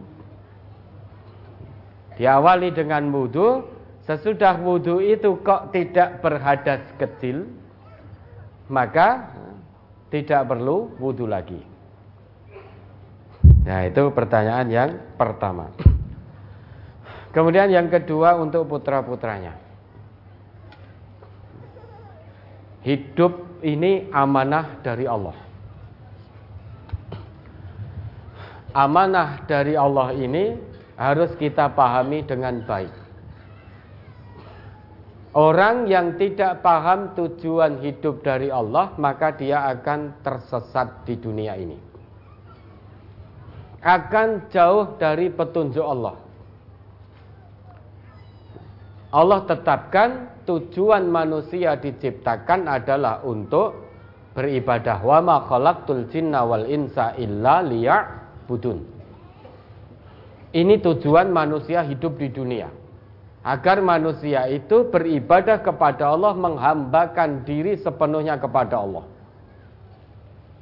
Untuk bisa beribadah yang benar kepada Allah, maka Allah turunkan pedomannya yaitu Al-Qur'an. Kemudian Allah utus Rasulnya untuk membawa dan menjelaskan Al-Quran ini. Maka Al-Quran Allah turunkan dengan penuh berkah. Tujuannya agar ditadaburi kalau dalam bahasa kita untuk kita ngaji. Kitabun anzalnahu ilaika mubarakul liyadabbaru ayatihi waliyatadzakkara ulul albab. Kitab Al-Qur'an ini diturunkan oleh Allah kepada Nabi Muhammad dengan penuh berkah. Untuk apa? Liyadabbaru ayatihi. Agar manusia itu mentadaburi ayat-ayatnya ngaji ayat-ayatnya. Ngaji bukan hanya dibaca saja. Tapi dibaca, dipahami sak maknane. Untuk kemudian diamalkan dalam kehidupan sehari-hari. Ini namanya tadabbur Quran secara sumul. yang bisa tadabur Quran secara sumul, yang bisa ngaji ikhlas lillahi ta'ala tenan, itu hanya hamba Allah yang berakal sehat. Kalau ada hamba Allah, meski secara lahir akalnya masih waras, masih tahu mana yang benar, mana yang batil, namun yang batil dia langgar, dia kerjakan, yang hak dia tinggalkan, orang ini hakikatnya akalnya sudah ada di rumah sakit jiwa. Ulul albab itu orang yang betul-betul bisa mengikuti hak itu diikuti, yang batil betul-betul ditinggalkan. Itu ulul albab. Dan ulul albab itu Orang yang betul-betul mau ngaji Al-Quran. Coba diingat itu Az-Zumar ayat 18. Itu ulul albab, orang yang berakal sehat. Orang yang mau ngaji. Surat Az-Zumar surat ke-39 ayat 18. Alladzina yastami'una al-qawla fayattabi'una ahsanah Ulaika alladzina hadahumullah wa ulaika hum ulul albab. Yang mendengarkan perkataan lalu mengikuti apa yang paling baik di antaranya. Mereka itulah orang-orang yang telah diberi Allah petunjuk dan mereka itulah orang-orang yang mempunyai akal. Ya dah. Alladzina yastami'una al-qaula yaitu orang-orang yang senantiasa mendengarkan perkataan. Semua perkataan dia dengarkan. Tetapi yang diikuti hanya satu. Fayattabi'una ahsanah. Yang diikuti adalah perkataan yang paling baik. Tidak ada perkataan yang lebih baik daripada perkataan ini. Apa perkataan yang paling baik? Yaitu Al-Quran. Wa man ahsanu qawlan mimman da'a ilallah wa amila salihan wa qala innani minal muslimin. Maka dia mendengarkan banyak perkataan masuk telinga kanan, keluar telinga kiri. Namun yang dia ikuti hanya satu, yaitu yang ahsan, yang paling baik. Perkataan yang paling baik adalah Al-Quran dalam arti ngaji. Karena dengan ngaji itulah dia akan paham bagaimana cara menghambakan diri yang betul kepada Allah. Karena dengan ngaji itulah dia akan paham bagaimana tuntunan Rasulullah agar kita bisa menghambakan diri kepada Allah dengan baik dan benar. Itulah orang-orang yang mendapatkan petunjuk dari Allah. Menjalani amanah kehidupan dari Allah ini dengan petunjuk Allah. Sehingga tahu betul caranya beribadah, sehingga paham betul tujuan hidupnya di dunia. Yaitu beribadah kepada Allah. Maka semua kegiatan yang dilakukan, semua ucapan yang dia ucapkan, kalau dia paham tujuan hidupnya di dunia ini, paham tujuan penciptaannya, maka harus ada nilai ibadahnya. Orang yang nilai ibadahnya tujuan penciptaannya. Sekalipun tidak sedang di rumah sakit jiwa, dia masih tahu yang hak mana, yang batil mana. Namun yang batil karena mengikuti hawa nafsu, dia ikuti, dia langgar terus yang batil. Dia menipu, memfitnah, berbohong, korupsi, membunuh, berzina dan lain sebagainya. Mabuk-mabukan itu tahu itu satu kebatilan. Judi itu tahu itu kebatilan. Larangan Allah, larangan Rasulullah. Namun terus dia ikuti hawa nafsunya, hakikatnya di sisi Allah orang ini sudah keluar dari tujuan penciptaannya. Sebetulnya sudah tidak waras orang ini. Karena yang batil dikerjakan, yang hak malah ditinggalkan. Nah, untuk bisa menundukkan hawa nafsu, tidak ada jalan lain kecuali ngaji. Dengan ngaji kita akan paham aturan agama. Tidak pernah ada ceritanya Bapak Ibu. Tanpa ngaji Al-Quran, tanpa ngaji tuntunan Rasulullah, orang kok bisa menjadi baik. Tidak pernah ada ceritanya. Baik buruknya seseorang sangat bergantung sejauh mana dia mengikuti warisan Rasulullah ini, yaitu Quran dan Sunnah. Tanpa itu, kita akan tersesat dalam menjalani kehidupan dunia yang serba menipu dan sementara ini. Maka Allah tegaskan fala taghurrannakumul hayatud dunya wala yaghurrannakum billahil ghurur. Jangan tertipu dengan gemerlapnya dunia.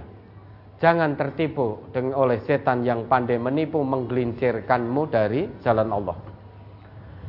Kalau dikatakan tidak sempat ngaji karena kerja, selamanya juga tidak akan pernah ngaji. Karena Allah tidak turun tangan, Allah tidak cawe-cawe, Allah tidak atur dirinya. Kalau ingin ngaji, maka harus meluangkan waktu betul. Jangan menunggu waktu luang. Kalau kita menunggu waktu luang, berarti kita tidak butuh kepada ngaji. Seolah-olah Allah yang butuh kita. Konek waktu longgar tak ngaji. Ini seolah-olah Quran Islam butuh pada kita. Sehingga Qurannya diminta menunggu sampai longgarnya kita. Untuk kemudian kita kaji, kita tadaburi. Sombong orang yang seperti ini, celaka dunia, celaka akhirat. Kita ini makhluk yang sangat lemah, tidak punya daya dan upaya tanpa Allah. Allah wajibkan kita untuk ngaji Quran, untuk ngaji sunnah, kemudian dipahami, terapkan dalam kehidupan sehari-hari. Itu akan membawa kita selamat dunia, selamat akhirat. Tidak tertipu dengan kehidupan dunia akan mendapatkan kebahagiaan yang hakiki di sisi Allah kelak. Maka luangkan waktu dengan penuh keikhlasan, yakin betul kepada Allah. Kalau saya alasannya kerja sehingga tidak bisa ngaji, orang lain pun juga bekerja, semuanya bekerja. Tapi kenapa Fulan kok bisa ngaji istiqomah? Padahal sama-sama bekerja. Kok saya tidak bisa? Setiap kali mau ngaji kok ada saja pekerjaan. Harus muhasabah. Mau melakukan setiap melakukan kebaikan kok mesti dimudahkan oleh Allah untuk mendapatkan kesulitan. Ada tugas lagi, tugas lagi, tugas lagi.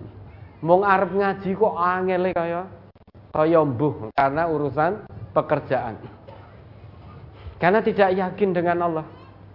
Maka bismillah, saya luangkan waktu dalam satu pekan sudah ditentukan hari kajiannya, misal hari Senin. Ya, bismillah saya akan ngaji di cabang atau perwakilan itu hari Senin. Apa pun yang terjadi. Kemudian mohon izin kepada pimpinan di tempat kerjanya. Dengan berharap penuh kepada Allah. Allah tidak pernah khianat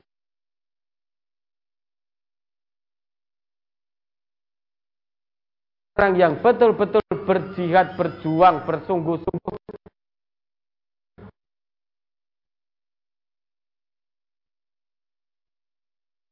Pasti sungguh akan kami tunjukkan kepada mereka jalan-jalan kami yaitu jalan-jalan keluarnya.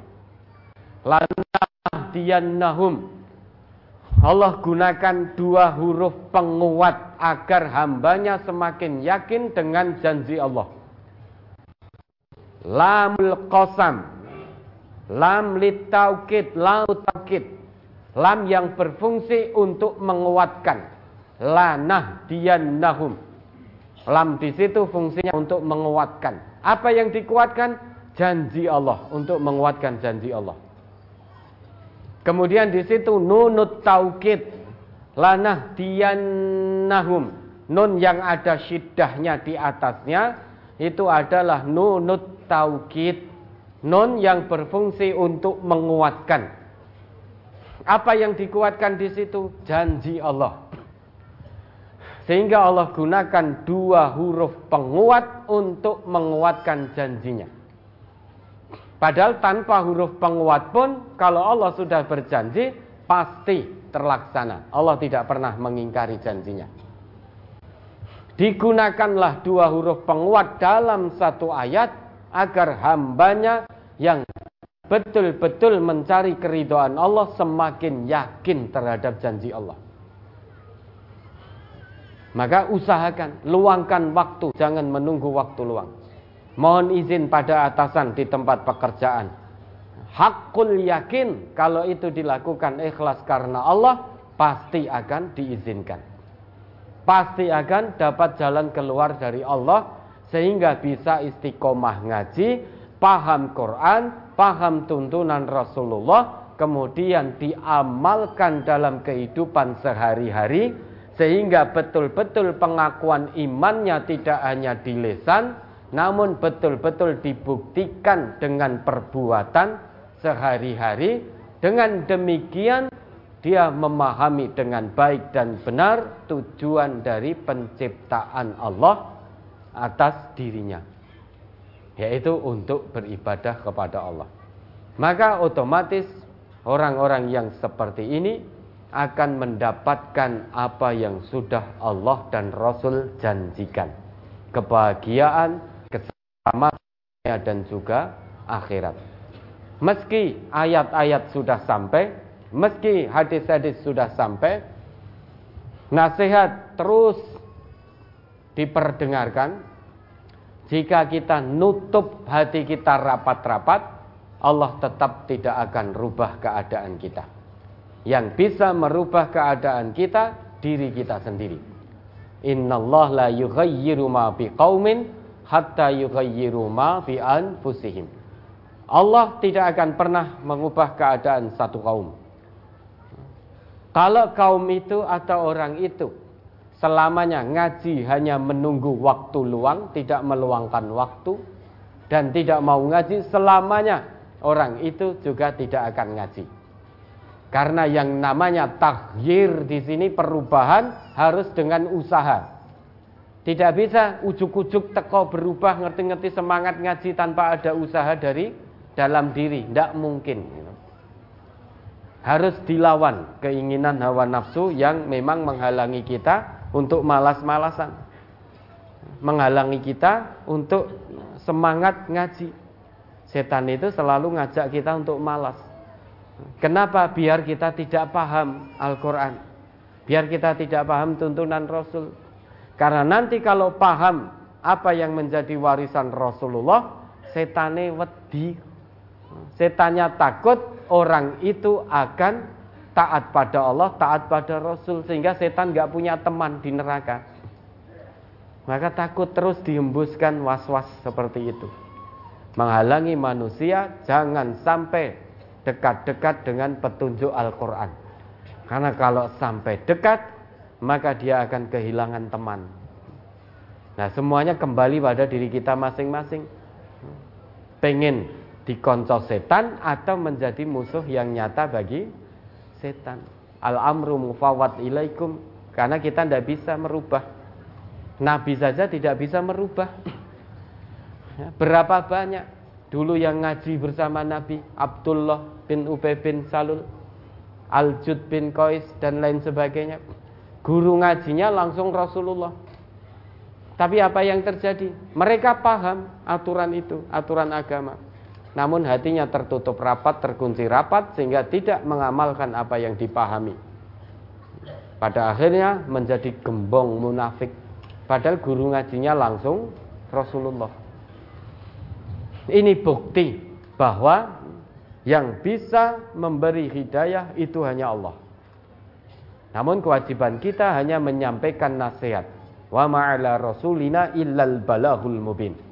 Kewajiban Rasul kami, kata Allah, hanya menyampaikan aturan agama ini dengan gamblang, dengan terang. Perkara diterima atau tidak sudah bukan urusan Rasul. Tapi urusan yang bersangkutan dengan Allah. Ya, mudah-mudahan terus dinasehati ibu putra-putranya untuk menomorsatukan Allah, untuk menomorsatukan akhirat, untuk mengutamakan akhirat. Karena akhirat itu kampung halaman kita yang abadi. Kalau kita mengutamakan dunia, menomorsatukan dunia, pasti, pasti dan pasti kita akan tertipu. Kenapa? Karena dunia ini pasti akan kita tinggalkan, cepat atau lambat. Sedangkan akhirat itu yang abadi. Maka jangan mengutamakan dunia, rugi-rugi sudah. Khasirat dunya wal akhirah, rugi dunia, rugi akhirat. Terus nasihati putra-putranya, nah, selain itu terus doakan pada Allah, mohonkan kepada Allah agar hidayah Allah, kebenaran agama Allah ini betul-betul bisa masuk ke dalam hati putra ibu sehingga betul-betul membuka hatinya untuk menerima kebenaran agama Allah ini dan menjadi komitmen dalam kehidupan sehari-hari sampai nanti dia tinggalkan dunia yang fana ini. Mudah-mudahan Allah meridhoi. Ada lagi? Cukup Ustaz. Cukup. Eh, untuk hari ini cukup dulu Ustaz. Lanjut besok. Iya. Senin berarti besok. Ya, lanjut besok kan Senin ini. Ya saya manut Ustadz Marjono ya. Iya, terima Ya kasih. cukup ya cukup ya. Baik, eh, kami sampaikan yang pertama eh, penyerahan jimat ya, Ustaz dari Mbah Karni dari cabang Gondang Dua Seragen berupa dua belah keris dan satu bilah pedang. Tidak disebutkan eh, nama dan kegunaannya. Ya Alhamdulillah setelah terbongkar ini semakin banyak yang menyerahkan jimatnya ini. Iya. Ya mudah-mudahan kemusyrikannya betul-betul dihentikan. Terhenti betul, sadar betul karena Allah. Ye, ada lagi? Berikutnya laporan peserta yang dari jauh atau rombongan yang dari jauh. Yang pertama dari Purworejo ini 250 orang dengan 5 bis. Windusari Magelang dengan 20 orang. Secang Magelang 19 orang. Lendah Kulon Progo ini satu bis. Widodaren 2 Ngawi 80 orang. Widodaren 4 Ngawi satu mobil. Kota Yogyakarta satu bis dan tiga mobil dan Kota Semarang 55 orang. Kemudian mohon izin ada rombongan yang akan berkunjung ke Ponpes setelah kajian Ustaz. Ya. Mudah-mudahan jarak yang sudah ditempuh, harta yang sudah dikeluarkan untuk safar sabilillah ini betul-betul lillahi taala sehingga menjadi tabungan akhirat Bapak Ibu, Saudara dan Saudari, utamanya yang dari jauh-jauh. Bukan berarti yang dari dekat tidak mendapat ridho Allah. Mudah-mudahan tetap istiqomah di jalan Allah, semuanya berada dalam keridhaan Allah. Adapun rombongan berarti ini yang dari Magelang tambah satu, 20 ya. Tambah ibu tadi. Ya. Yang dari ya apa rombongan yang mau mampir ke pondok pesantren silahkan. Silahkan di sana lihat sana. Itu pondok kita, monggo silahkan mampir. Namun tetap ya, jaga akhlak, jaga kebersihan, jaga etika, jaga sopan santun. Mau foto boleh enggak? Boleh silahkan. Ada wali santrinya? Kurang tahu Ustaz. Ya kalau ada ya sana lihat anaknya. Kebetulan hari ini kunjungan untuk kelas 1 Ustaz. Kelas 1? Ji. Wali ini anaknya kelas 2, kelas 3, kelas 4 Berarti tidak termasuk dalam jadwal kunjungan hari ini Kelas 2 berarti pekan kedua Ya? Kelas 3 pekan ketiga, kelas 4 pekan keempat Enggak ditilihi enggak apa-apa kok Ya Enggak ditilihi enggak apa-apa itu insya Allah Apalagi yang sudah kelas 4 Kelas 4 itu ditilihi ya sama enggak ditilihi ya sama saja Pak. Malah jenengan langsung disuruh kondur. Terus dijaga fasilitas pondok ya. Lapangan itu jangan dilewati mobil. Ya, jangan dilewati mobil rumputnya, akan rusak nanti. Ya. Kalau mau jenguk putranya, mau berkunjung sana silahkan. Tapi mohon kita sama-sama menjaga. Lapangan jangan dilewati mobil rumputnya.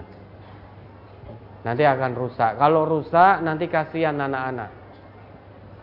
Akan terhenti aktivitas olahraga anak-anak untuk sekian bulan karena untuk memperbaiki lapangan yang rusak gara-gara dinggo warawiri mobil. Rumputnya akan rusak itu. Mudah-mudahan tidak ada. Kalau sebelum ada maka kita ingatkan dulu. Jangan sampai mobil bukan hanya mobil saja ya, kendaraan, sepeda motor, pitontel, gerobak dan lain sebagainya Jangan lewat di atas rumput. Ya, nanti akan rusak itu. Akan rusak sehingga anak-anak akan terhenti olahraganya untuk paling tidak 2 sampai 3 bulan. Kasihan anak-anak. Menunggu perbaikan itu lama. J, monggo silahkan. Terus kemudian berikutnya permohonan doa untuk kesembuhan saudara kita yang sakit, Bapak Ansor Randu Blatung, Bapak Ibu Sumarsi Prambanan Klaten, Bapak Sutiman dan Ibu Sabita dari Pilang, Ibu Sumilah, Bapak Adi dan Bapak Damari dari Teras 1, anak Amar Nasir Abdillah dan Ibu Samah dari Semarang, Bapak Gunadi dari Jumantono 4, Bapak Sukarmin dari Widodara 4, Ibu Lailatul Wahidah dari Demak, Bapak Suryono, Bapak Ali Maksum, Putri Irianti dan Bu Sugiyarti dari Cepu, Bapak Paimin dari Tawangsari 2, Bapak Badrun dan Ibu Juminah dari Salatiga, Bapak Darto, Ibu Sumiasih dan Mbak Indang dari Lendah Kulon Progo, Bapak Surati, Bapak Joko Keswanto dan Bapak Bambang TH dari Solo, Ibu Um Silatun dan Ibu Saringatun dari Polanado 1, Ibu Saliam dari Batu Retno. Kemudian Bapak Wakidi, Bapak Ansori dan Ibu Sarwi dari Mlura. Semuanya ada 30 orang yang sakit, mohon doa kesembuhannya. Mari kita doakan beliau-beliau. Allahumma shfihim, Allahumma shfihim. Mudah-mudahan tetap dalam keikhlasan totalitas, keikhlasan penuh, kesabaran penuh, tawakal betul pada Allah dalam menjalani ujian iman dan takwa ini. Insya Allah menjadi kafarah atas dosa-dosa panjenengan dari Allah. J, terus? Berikutnya permohonan doa untuk saudara kita yang meninggal. Yang pertama Apri Sikoco, Sukoco, Apri Sukoco dari Randu Blatung, Ibu Sri Wahyuni dari Seragen 1, Bu Tarmini dari Jumantono 2, Bapak Kairun dari Karanggede 2, Ibu Suemi dari Ungaran 1 dan Azhar Munib Safi'i dari Pacitan ada 6 Ustaz. Mari kita doakan. Allah Allahumma firlahum warhamhum wa'fu anhum wa'afihim wa'akhrim nusulahum wa wasi'mat khalahum واغسلهم بماء وثلج وبرد ونقهم من الخطايا كما ينقى الثوب الأبيض من الدنس وابدلهم دارا خيرا من دارهم وأهلا خيرا من أهلهم وزوجا خيرا من زوجهم وقهم فتنة القبر وعذاب النار Mudah-mudahan diampuni dosa-dosanya oleh Allah Diterima dalam jannahnya Kita yang masih hidup ini Mudah-mudahan benar-benar dilunakkan hati kita untuk mengikuti petunjuk agama Allah ini secara kafah tulus ikhlas tunduk patuh betul hingga ajal menjemput. Mudah-mudahan Allah matikan kita semua dalam keadaan husnul khatimah. Amin. Ya baik lajeng. Berikutnya infak untuk ponpes dan media dakwah Ustaz. Ya. Sudah Ustaz? Cukup Ustaz. Cukup baik Bapak Ibu saudara dan saudari kurang lebihnya mohon maaf mari diakhiri. Alhamdulillahirrahmanirrahim. Salam kami untuk keluarga di rumah masing-masing. Wassalamualaikum warahmatullahi wabarakatuh. Waalaikumsalam